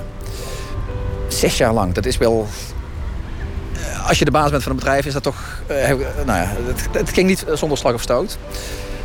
En elke keer, nu daardoor dat ze die apostrof S van de gevel hebben verwijderd... Uh, is er een heel groot gat ontstaan. En ze hebben in de jaren 70 met een keertje de gevel helemaal gereinigd. En toen hebben ze de, besloten de letters toch op dezelfde plek terug te plaatsen. Dus je ziet de pinnen nog aan de muur zitten waar de apostrof en de S hebben gezeten. En daardoor hebben ze die grote woordspatie in stand gehouden. En ik heb elke keer als ik hier lang fiets nog steeds als je die woordspatie ziet, dan word je herinnerd aan een soort uh, aan Amerikaanse droom. Aan, uh, eigenlijk aan een hele visionaire man die van zijn brouwerij in één keer de... Zei, volgens mij is Heineken nu de één na grootste bierbrouwer ter wereld. En dat komt niet alleen door die apostrof S verwijderen. Maar die apostrof S, dat die verwijderd is... en dat, dat die hele grote woordspatie zit, die visualiseert... of die symboliseert eigenlijk die stap... dat hij voor zijn tijd nou, bijna revolutionair was in Nederland. Ja, en dus eigenlijk is het een, een uh, uh, typografisch, letterkundig is dit een fout, die grote spatie. Maar juist omdat het verhaal wat erachter zit, vind je hem zo mooi. Is het een cadeautje.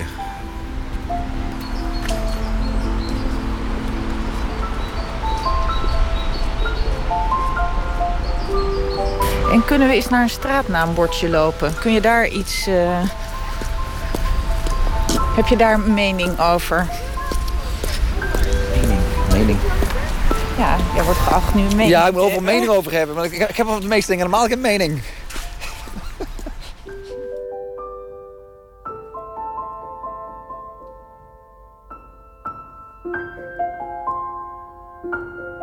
De meeste eh, straanaanborden in Amsterdam eh, zijn eh, blauw met witte letters. En het is een ratje toe. Ze zijn niet allemaal hetzelfde lettertype? Oh, nee, nee, nee. nee, nee. Het is echt, echt een puinzooi. Wat van de ene kant heel charmant is. Want daar zie je de geschiedenis van de stad ook terug in de straatnaamborden. Ehm, er zijn steden die hebben het helemaal uniform gemaakt. Dus Praag volgens mij heeft een aantal jaren geleden besloten een lettertype te ontwikkelen aan op basis van bestaande straatnaamborden. En vervolgens dat al, door te gaan voeren in al hun straatnaamborden. Dat hebben ze in Amsterdam wel overwogen. Een aantal jaren geleden, dacht ik, of vijf geleden, zijn ze dat, het gemeentehuis mee bezig geweest. Maar dat is natuurlijk een enorme klus. Want ja, ik weet niet wat het aantal straatnaamborden in Amsterdam is, maar dat zijn er honderdduizenden, denk ik, als je alles bij elkaar op gaat tellen. Dat moet gigantisch zijn. Oh, ja. En het zijn van die mooie, nog emaille borden die volgens mij niet meer gemaakt mogen worden. Ja, maar als je goed op gaat letten, ik, ik, ik heb ze nooit geïnventariseerd. Ik denk dat er tientallen verschillende versies van straataanborden in Amsterdam zullen bestaan. Er is in de jaren 50 op zo'n NEN-norm vastgesteld. En dat lettype zie je nog vrij vaak terugkomen. Maar uh, dan is er kapitaal, dan is er onderkast. Dit, uh, nou ja, dit is, uh, als ik mag gokken, 100 jaar oud. Ehm, en dat is, dat is ook meteen de charme van de stad. Dat alles steeds anders is. Dat het niet uniform is. Want ontwerpers willen altijd alles meteen uniform maken. En daarmee denken dat alles dan beter is. En dat is handig als je de trein wilt halen. Dat je weet hoe laat de trein vertrekt. Terwijl in de stad is het juist ook wel charmant dat het niet uniform is. Safari Typo Amsterdam wordt 20 januari gepresenteerd. Het boek van Bas Jacobs. Uh, in Amsterdam gebeurt dat. Een avond vol typografie in Pakhuis De Zwijger. Een reportage was dat van Stef Visjager. De Rolling Stones zijn niet de eerste muzikanten die een plaat vol bluesklassiekers hebben gemaakt. Dat is uh, vele malen eerder gedaan. Ook door acteur Hugh Laurie. Bekend van uh, heel veel series, zoals de Amerikaanse serie House. We gaan luisteren naar zijn uitvoering van You Don't Know My Mind.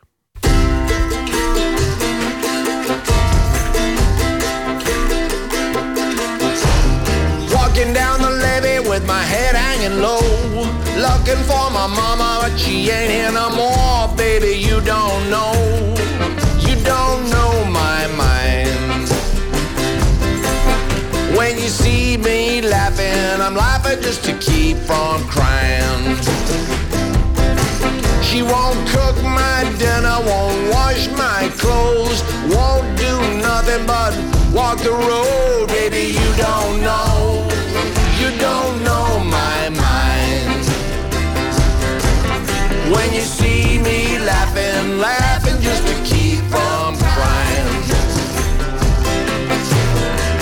breakfast on the table and my coffee's getting cold. Mama's in the kitchen getting sweet papa told. Baby, you don't know, you don't know my mind.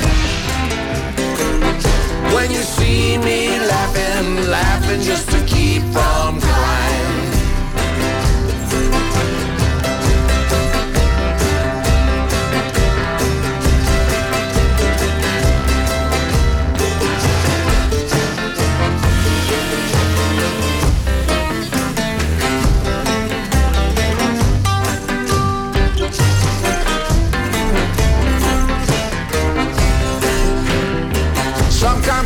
my baby's too good to die. Sometimes I think she should be buried alive. Baby, you don't know. You don't know my mind. When you see me laughing, I'm laughing just to keep from crying. I wish I had a nickel. I wish I had a dime. I wish I hadn't given myself a bad woman's time. Baby, you don't know. Don't know my mind. When you see me laughing, laughing just to keep from crying.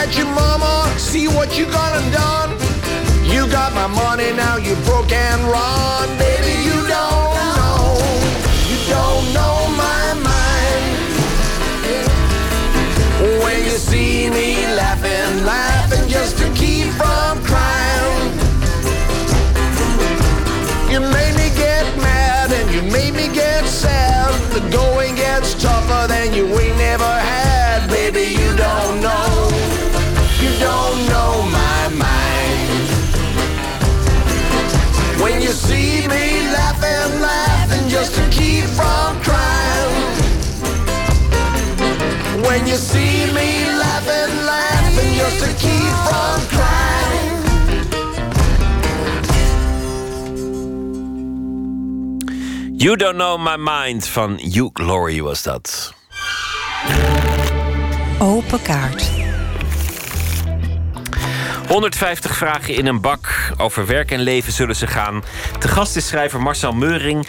Hij debuteerde in 1990 met Mendels Erfenis. En vorige week verscheen de roman Eden. Het derde deel van wat min of meer een trilogie is. Maar je kunt de delen ook los uh, lezen. Dis was het eerste boek, Louteringsberg het tweede.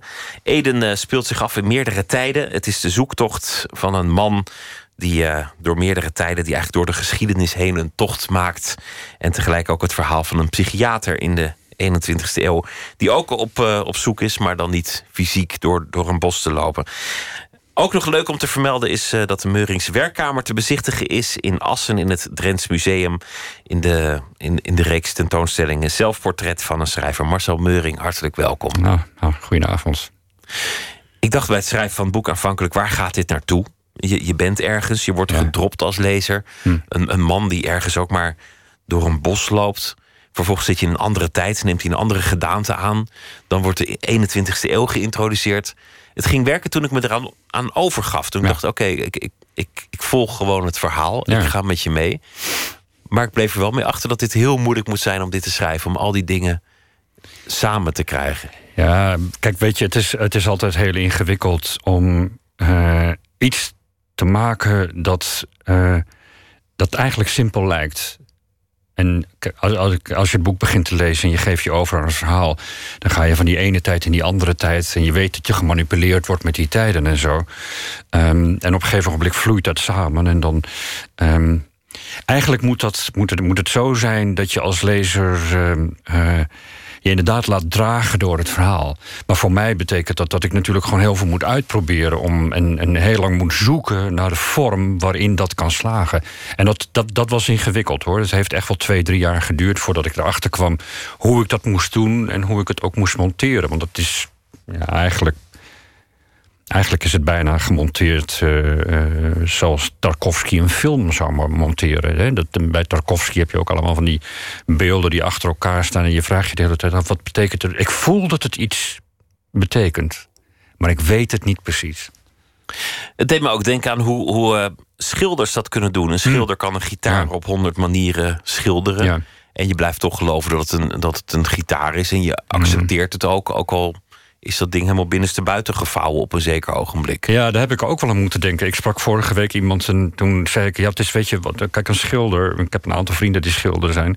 Een schilder die zet iets op en die begint dan... en dan, uh, dan haalt hij het weer weg, omdat het niet goed is... en dan monteert hij er iets anders tegenaan. Om, je wilt contrapunt hebben en al dat soort dingen. En dat, dat, daar lijkt dat proces ook heel erg op. Het is in, in, inderdaad het in, in elkaar zetten... maar eigenlijk niet op een cerebrale manier. Het is heel gevoelsmatig omdat het voor de lezer ook gevoelsmatig is. En ja, die, die, die montage, die. Um, ja, het is muzikaal, het is schilderkunstig, ik weet het niet. Het is, uh, het is vooral. Uh, het, duurt, het duurde vooral heel lang. Voordat, voordat het werkte, want het, het, ja. moet, het moet sterk zijn. Anders kun je je als lezer niet overgeven aan de schrijver. Ik moet vertrouwen hebben als lezer in, ja. in de vaste hand van de schrijver. Ja, bij, een boek als, bij een boek als Ede heb je, uh, je, hebt, je hebt normaal altijd een suspension of disbelief. Hè, dat je moet bereid zijn om je ongeloof in dit verhaal uit te stellen. Een schrijver moet jou overtuigen. Maar bij zo'n boek als Ede is dat eigenlijk nog veel sterker. Omdat je, uh, omdat je met die verschillende tijden zit. En je zit met verschillende stijlen en dat soort dingen. En dan, moet dat, dan moeten beide verhalen heel erg dragend zijn. Maar ze moeten ook al vrij onmiddellijk, uh, als ze niet in elkaar grijpen, een suggestie hebben. En jij moet denken: dit, het, het gaat wel goed komen. Het Oude Testament waart een beetje op de achtergrond rond ja. in, in dit boek. Het is, het is oud-testamentische taal, maar ook, ook een wereld die je, die je zou associëren met dat Oude Testament. Waarmee je ook, ja. ook komt in de, in, de, in de Joodse geschiedenis, de mm. Joodse-Europese geschiedenis. Heb je daar ook echt in verdiept? Ben je, ben je ook echt in het Oude Testament gaan, gaan bladeren? Of, of zit dat sowieso dichtbij je? Oh, dat zit. Uh, nee, dat, dat ben ik op mijn, uh, op mijn zevende of achtste mee begonnen. Want toen kreeg ik uh, een, een, kinderbijbel van het Oude Testament. En die ben ik diezelfde nacht met een zaklantaarn in bed gaan lezen. En daar ben ik het eerste jaar ook niet meer opgehouden. Dus waar andere jongens zeg maar Kuifje of de Donald Duck lazen met een zaklantaarn... zat ik in het Oude Testament. Net zo spannend op zich. Ja, en wat heet. En, en dat, maar het Oude Testament in die kinderbijbel... dat was mijn eerste hevige leeservaring. Want ik begon, ik begon dat te lezen. En uh, dat ligt ook aan mij hoor, denk ik. Maar ik werd onmiddellijk verplaatst naar die wereld. En ik, ik, dat was zo sterk dat ik ook echt het gevoel had... dat ik rondwaarde in die wereld. En als ik, als ik aan het schrijven ben, dan is dat waar ik naar op zoek ben. En die taal en alles wat erbij hoort, maar ook vooral. Kijk, het Oude Testament is vergeleken bijvoorbeeld met de Griekse mythen en zagen of met de, met de Odyssee. Eigenlijk een veel minder verfijnde taal. Het gaat veel minder om de buitenkant en schoonheid en al dat soort dingen. Het gaat veel meer om een soort, bijna om een soort oerkracht. Hè? Dat, uh, dialogen zijn heel kort. het is vaak, vaak ook helemaal niet uitgewerkt. Adam gaat naar boven, of, uh, Abraham gaat naar boven met zijn zoon om hem daar op die berg te offeren. Dat zijn er maar een paar regels. Maar dat, dat gevoel, dat, dat, dat wil ik ook heel sterk. En dat, het, het zit heel erg in mij. Dus de, ik hoef eigenlijk niet terug te lezen om dat, uh, uh, om dat te kunnen gebruiken. Eén man die de geschiedenis draagt en met zich meedraagt en, en door, doorwandelt. En dan is er nog die psychiater die, die zelfzoekende is, maar die ook als een detective probeert zijn patiënten te ontrafelen. Die, die echt als een detective dat een zaak zou doen, wil weten wat eraan mankeert. En die op een zeker ogenblik ook de meest fundamentele twijfel krijgt. Namelijk, zal ik meegaan in dit verhaal dat helemaal niet mogelijk is? Ja. Zal, zal ik mijn, mijn realiteitszin maar gewoon loslaten? Ja. Prachtig gegeven vond ik dat. Ja, ik denk dat het ook, ik denk dat het ook heel belangrijk is als je, als je een cliënt wilt behandelen, dat je uh, uh, uh, bereid bent om jouw ongeloof opzij te zetten. Uh, je, je, kunt op, je, je kunt op een cerebraal niveau wel weten dat dit allemaal niet kan en dat het niet klopt, enzovoort, enzovoort. Maar als je, als je werkelijk wilt begrijpen wat er omgaat in die cliënt, in, in, in wat hij denkt en wat hij voelt, en vooral ook waarom hij beweert wat hij beweert, uh, dan moet je met hem wandelen. Dus je moet met hem zeg maar dat bos in, dat donkere bos in. En dat is, dat is eigenlijk wat. Wat mijn psychiater in dit boek uh, ontdekt. En dat in een zekere zin leidt die ontdekking ook tot, uh, tot, een, tot een beslissing van zijn kant. Maar als we dat gaan vertellen, dan, dan komen we te dicht bij de ont, ontknoping van het boek. Maar alles komt, alles komt netjes bij, bij elkaar. Het is ook die geschiedenis, die, je kan het ook symbolisch zien. Dat iemand een hele geschiedenis met zich meedraagt. Hm? Dat iemand een geschiedenis heeft geleefd, zelfs al hoeft hij niet per se 2000 jaar geleden geboren te zijn. Nee, maar ik denk ook dat dat, dat, dat dat een van de punten van het boek is. Maar eigenlijk iets dat altijd in mijn boeken speelt. Dat, dat jij bent niet alleen jouw geschiedenis. Uh, en dan is het nog de vraag in hoeverre die geschiedenis helemaal waar is. Hè? Je bent het vooral het verhaal dat je over jezelf vertelt. Maar je bent ook de geschiedenis van de mensen om je heen. En je bent de geschiedenis van de mensen die voor je geleefd hebben. Ik ben de geschiedenis van Nederland om maar één ding te noemen. Als ik naar een ander land ga, voel ik me Nederlandser dan ik, dan ik me ooit gevoeld heb. En dat, is een, en dat, dat, dat hoort bij het verhaal dat ik ben. En um, in, dit, in dit geval is het natuurlijk zo: je we hebben één iemand die vanuit een bos uh, vertrekt en eigenlijk door de tijd en door de ruimte reist. En we hebben één iemand die door de geest van andere mensen uh, reist. En eigenlijk, uh, eigenlijk gaat het om precies, om, om precies hetzelfde. Het gaat om uh, wie we zijn, wat we zijn, hoe we, dat, hoe we daarover vertellen. Um, en hoe we ons aan elkaar voordoen. Dus het, het, uiteindelijk, wat is de geschiedenis anders dan. Een verhaal. Het verhaal, ja. Ben je meer geschiedenissen dan de geschiedenis van Nederland? Is de, is de geschiedenis van, van, van de Joden in Europa ook jouw geschiedenis? Is dat iets dat, ja, dat je in je, ook. In je persoonlijkheid meedraagt voor je ja. gevoel? Ja, dat, dat, ja, dat geldt zeker voor mij. Dat. Uh, uh, um, Het, het, is, het is wel iets waarvan ik blij ben dat het in mijn kinderen bijvoorbeeld minder het, minder het geval is. Uh, maar voor mij geldt dat zeker. Ik heb een Joodse moeder en een uh, niet-Joodse vader. En op de een of andere manier uh, is de balans altijd doorgeslagen naar de, naar de Joodse kant. En ehm, dat ligt misschien ook over de hand hoor. Ehm, en dat, dat, dat, dat is zeker ook mijn geschiedenis. maar ja, mijn geschiedenis is ook die van iemand die op zijn dertiende besloten heeft dat hij schrijver wilde worden. En vervolgens altijd achter een tafel heeft gezeten. Over die tafel gesproken, want dat is te bezichtigen in, in Assen, in het Drents Museum, je, je werkkamer. Wat, wat laat je daar eigenlijk zien? Nou, ik heb die afge. Ik, heb, ik ben 18 jaar bezig geweest met die, met die drie boeken. 18 jaar in totaal en het idee is al veel ouder. En ik, ik verzamel altijd heel veel materiaal om me heen. Ik zorg ervoor dat de omgeving waarin ik werk. Um, dat hij een bepaalde sfeer oproept. En dat hij, dat hij ook weer spiegelt wat ik aan het doen ben. En een van de redenen uh, dat ik altijd met de gordijnen dichtwerk, bijvoorbeeld, is dat, dat, dat, dat ik een soort holletje creëer, als het ware. En dat materiaal bestaat uit foto's, het bestaat uit kaarten, het bestaat uit uh, uh, notities, noem het maar op. En dat is natuurlijk in die 18 jaar alleen maar gegroeid en gegroeid en gegroeid. En ik was klaar met het boek. Ik had het manuscript ingeleverd en ik stond op het punt om dat in dozen te doen, maar dat doe ik altijd. En toen dacht ik, het is toch aardig om het te laten zien. Om dat, dat, dat, dat hol dat ik gecreëerd heb.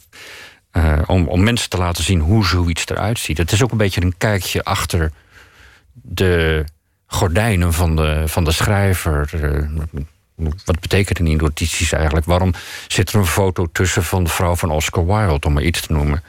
En toen heb ik het Drents Museum uh, gevraagd of ze dat wilden. En dat vonden, dat vonden ze heel erg aardig. En ik heb vervolgens die kamer ingericht. Dat duurde twee dagen. En het merkwaardig is dat ik de, de tweede dag ochtends binnenkwam. En dat ik zo'n halve seconde dacht dat ik mijn werkkamer binnenstapte. Dan is het gelukt. Ja, voor mij in ieder geval wel. En, uh, maar ik hoor van mensen ook dat ze het heel aardig vinden. Want het is in de zekere zin ook heel intiem. Het zijn krabbeltjes die soms ergens op slaan en soms er zitten schemaatjes tussen bijvoorbeeld. Uh, was, ik was de afgelopen weekend en ik deed een rondleiding. En er was één uh, iemand die ik ken, want die heeft alles van mij gelezen. En die kom ik ook regelmatig tegen. En die wees op zo'n schema. Die zei: Ja, maar zo, zo ziet het boek er helemaal niet uit. En dat klopt. Weet je, dat is zo'n schema uit het begin. Dan ben je aan het ontwerpen en dan denk je: Zo gaat het, zo, daar, daar gaat het heen. En ja, twee jaar later. Uh, is, is er iets heel anders? Heb je dingen ontdekt? Ja. Laten we beginnen met de kaarten. Anders, uh, anders ben je helemaal voor niks gekomen. Ik wil je vragen om een uh, kaart te trekken. Ik mag er gewoon een trekken. Ja. Wat is je favoriete gereedschap? Ja, dat is wel heel saai hoor, maar dat is, dat is mijn computer. Niet een pen, niet een notitieblok, niet een. Nee, ik, ik, ik, ik, ik, ik, ik, ik, ik, ik doe wel heel veel op papier. Ik print heel veel. Echt, dan gaat het echt om, om, om vele duizenden uh, vellen. Uh, maar ik zit toch de hele dag achter die computer. Met een heel groot scherm, dat wel. Ik, ben altijd, uh, ik heb altijd het grootst mogelijke scherm.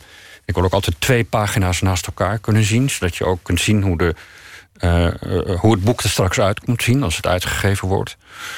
Um, want elke, elke tijd heeft ook een ander lettertype. Dat, dat ja, is leuk om te vermelden. Ik heb het zelf vormgegeven. Dat, dat, daar ben ik heel erg mee bezig in die loop van die tijd ook. Trek nog een kaart. Ja. De computer is het favoriete gereedschap. Lijk je op je vrienden? Ja, dat is boeiend. Ik heb uh, twee uh, vrienden. en de een is uh, boekhandelaar en de ander is fotograaf. En ja, ik denk dat ik. Ja. Dat is wel verrassend. Ja, ik, ja, ik lijk op een vrienden, ja. Ja, ik lijk op de boekhandelaar. Uh, dat is iemand die heel serieus kan zijn en heel cerebraal kan zijn. Maar ook heel erg grappig en ondeugend, als ik dat woord mag gebruiken. En mijn oudste vriend, dat is Harry, dat is fotograaf. aan wie ik het boek ook heb opgedragen. Die die is heel anders. Dat is ook een. Ja, die ken ik vanaf mijn zeventiende. Dus dat is, dat is, een soort broer geworden. Hè? En dan. Um, waarom lijk ik op Harry? Om. Ja, ik zijn van die mannen die gewoon een hele middag bij een vuurtje kunnen zitten en, en kletsen. En... Ik vind het ook zo mooi dat je zegt: ik heb twee vrienden. Want, want in, in het Facebook-tijdperk. ja, ik zit er niet meer op, maar ik, ik zat ooit op Facebook en had ik duizend vrienden. Ja. Vond ik een vermoeiende gedachte. Ja, ik heb één jaar op Facebook gezeten en ik had er geloof ik 4000 of zo. Nou, ga, kijk aan, 4000. Maar, je zegt ik heb twee vrienden. Dat vind ik, ja, vind ik zo maar het lekker is alsof je in een café staat hè, en, of een, en, en, en, en om je heen kijkt en in lichtelijk beschonken toestand zegt... al deze mensen zijn mijn vrienden. Ja, Maar dat ja. zijn ze niet. Tot de rekening komt. Ja. Ja. Nou, we doen er nog één.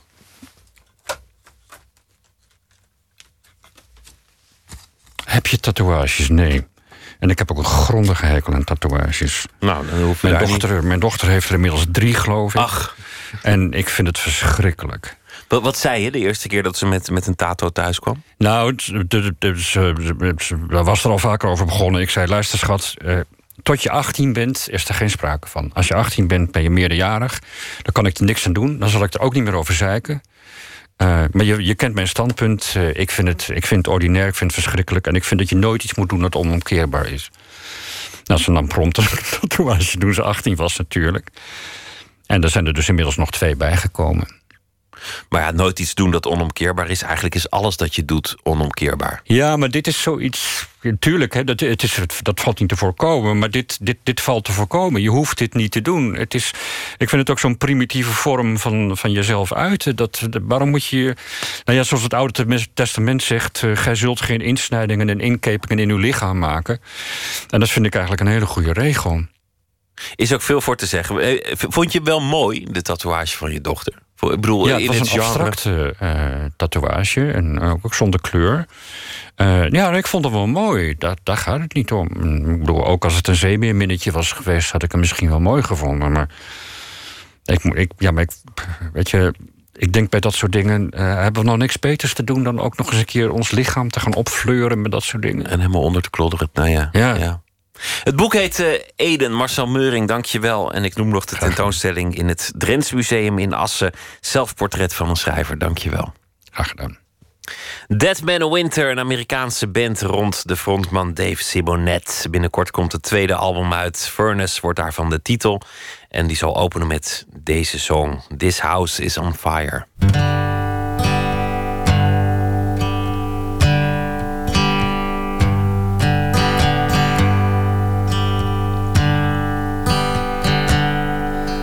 This house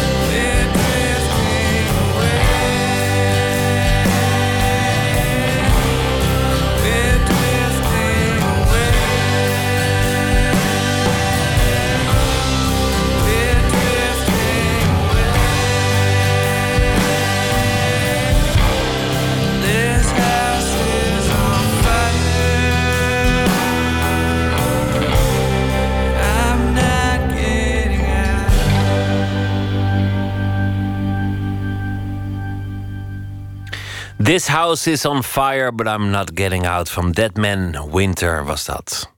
Eén minuut, een serie wonderlijke verhalen in 60 seconden. De aflevering van deze nacht heet Muizen. Pst, één minuut. Overal, keuken, badkamer, slaapkamer, huiskamer, uh, oven, uh, overal. Zelfs in de computer van mijn zoon zitten ze. In de computer, in de wasdroger. Je kan ze zo meteen zo weer in je gordijnen zien klimmen, ja. Ik heb dan een soort uh, ja, altaartje staan met een kaars en dat soort dingen. En uh, nou ja, dat echt vol met, met muizenkeutels. Mijn zoon die heeft nu slaaptabletten gekregen van de huisarts. Dat hij wel kan slapen. Hij is gisteren dan toevallig aangenomen voor de cursus beveiliging beambten. Maar als dit zo doorgaat, dan kan hij niet eens aan die cursus beginnen, want hij krijgt geen nachtrust. De woningbouw die roept de hele tijd, maar je moet een kat nemen. Nou, dat mag hij niet met astma. En de GGD zegt, het moet uitgegast worden, die muizenplaag. Maar ja, dat wil de woningbouw niet. Omdat ze voor mij geen andere woning hebben en ik kan hier niet inblijven als hun met het gas gaan spuiten. Hier is gewoon niet meer te leven. Ik heb 13 zakken gif gekregen van de GGD. Die hebben ze uitgezet in twee weken tijd. En de muizen vieren nog steeds feest. Muizen, gemaakt door Jair Stijn, was dat. De Zweedse band Koop scoorde, in 2006 een grote hit... met uh, een nummer dat een beetje jazzachtig is. Sindsdien weinig van gehoord, maar dit nummer blijft mooi. Come to me.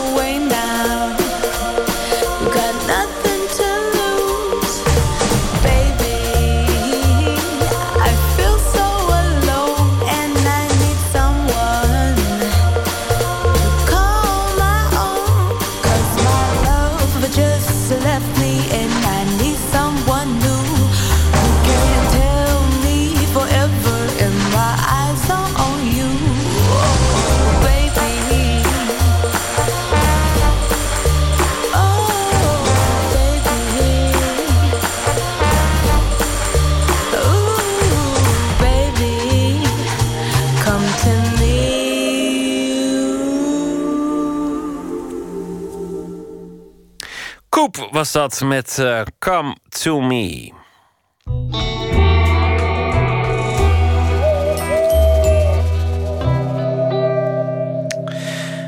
F. Starik is deze week onze nachtpredikant, schrijver en dichter. En deze week zal hij elke nacht een verhaal maken bij de voorbije dag. Meneer Starik, goeienacht. Goedenacht, Pieter. Goeienacht. Kan je je nog herinneren dat wij seks hebben gehad met Donald Trump? Die tijd dat we in New York woonden. De tijd dat ik nog zo goed haar had. Nee, nee, daar kan ik me gelukkig niks van herinneren. Gelukkig. Dan ga ik meteen over naar woensdag. Go. Woensdag. Eenzame uitvaart. Nummer 214. Ik ben vroeg. Het regent niet. Al zijn de straten nat. Dit zijn de dagen dat de straten nooit opdrogen. Dit zijn de dagen van het nadeel van leren zolen. Dit zijn de dagen van de koude voeten. Dit zijn de dagen dat het vocht in je botten trekt. Woensdag. Een begraafplaats. Een man. Een man alleen. De man die we wegbrengen hield van go spelen. Go. Het spel begint met een leeg bord. Stenen. De speler die begint heeft zwart. Zijn tegenstander wit. Een eenmaal gezette steen kan nooit meer verplaatst. Je kan hem alleen weghalen. Je kunt hem niet bijzetten. Iedere handeling verandert in een daad. Niets kan ongedaan. Het bord wordt tijdens het spelen steeds voller. Zetten niet verplicht, passen toegestaan. Je leven begint met een leeg bord. Met heel veel lege lijnen die nog veel meer kruispunten vormen, mogelijkheden, plannen. Je moet zetten. Zwart begint, wit wint. Of andersom, wit begint, zwart wint. Maakt niet uit. Wie past, weet hoe het afloopt. Dat is de weg ter wereld. Het spel niet te verslaan. Als de dagen dat de straten nooit opdrogen, grijs. Over natte straten zul je gaan. Om de beurt doet elk van de spelers zijn zet op het aanvankelijk lege bord. Door een steen op een nog onbezet kruispunt te plaatsen. Een eenmaal gezette steen kan niet meer verzet. Iedereen blijft staan. Zo raakt je bord vol. Steeds voller. Go spelen doe je niet alleen. Er zijn altijd twee spelers bij nodig. Pas als het bord vol is, moet je gaan. Dat was het verhaal. Voor de woensdag, F. Starik, dank. Uw nachtpredikant. Dank, uh, dank u zeer. Ja, je begon met uh, die nacht met Donald Trump. Ja, wat, wat was het verrukkelijk, hè, Pieter? Ja? Je ontkent het nu allemaal, maar Ja, iedereen ontkent zo, alles tegenwoordig, meneer. Het was zo goed. Het was ook, het was ook uh, onwennig. Ja. Dat wel. Maar uiteindelijk hebben we er allebei een ontzettend goed gevoel aan overgehouden, vind je niet? Het is een heel prettige niet-herinnering geworden, F. Starik. Dank je wel. Goeienacht. Graag weer tot morgen. Goedenacht. We gaan luisteren naar Van Morrison van zijn album Moon Dance uit 1970. And It Stoned Me. Half a mile from the county fair And the rain came pouring down Me and Billy standing there With a silver half a crown Hands full of a fishing rod And the tackle on our backs. We just stood there getting wet With our backs against the fence. Oh, the water. Oh, the water. Oh, the water. Hope it don't rain all day. And it stung me to my soul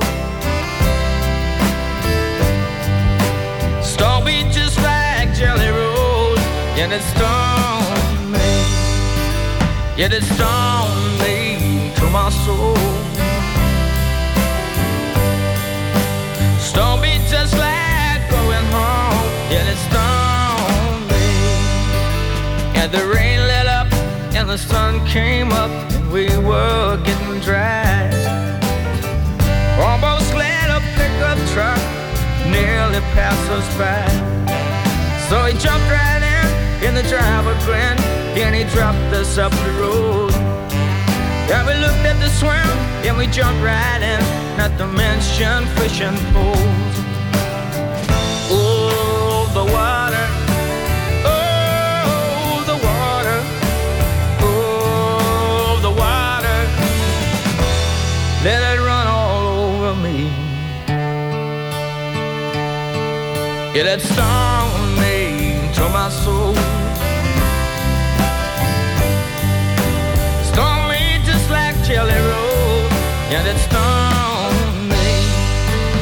Yeah, that stung me to my soul.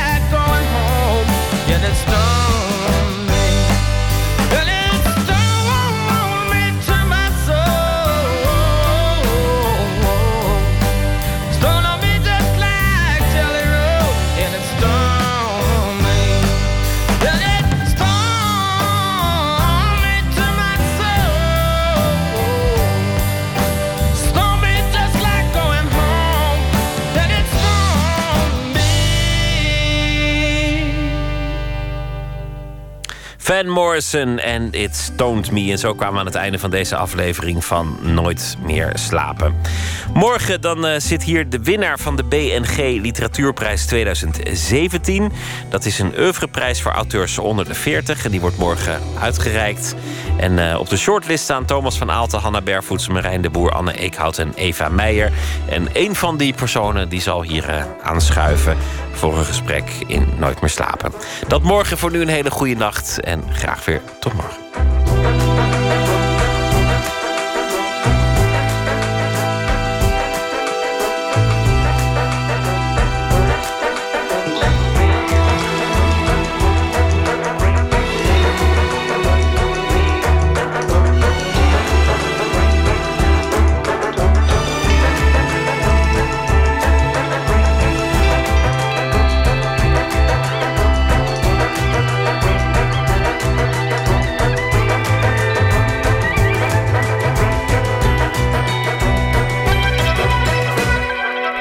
Radio 1, het nieuws van alle kanten.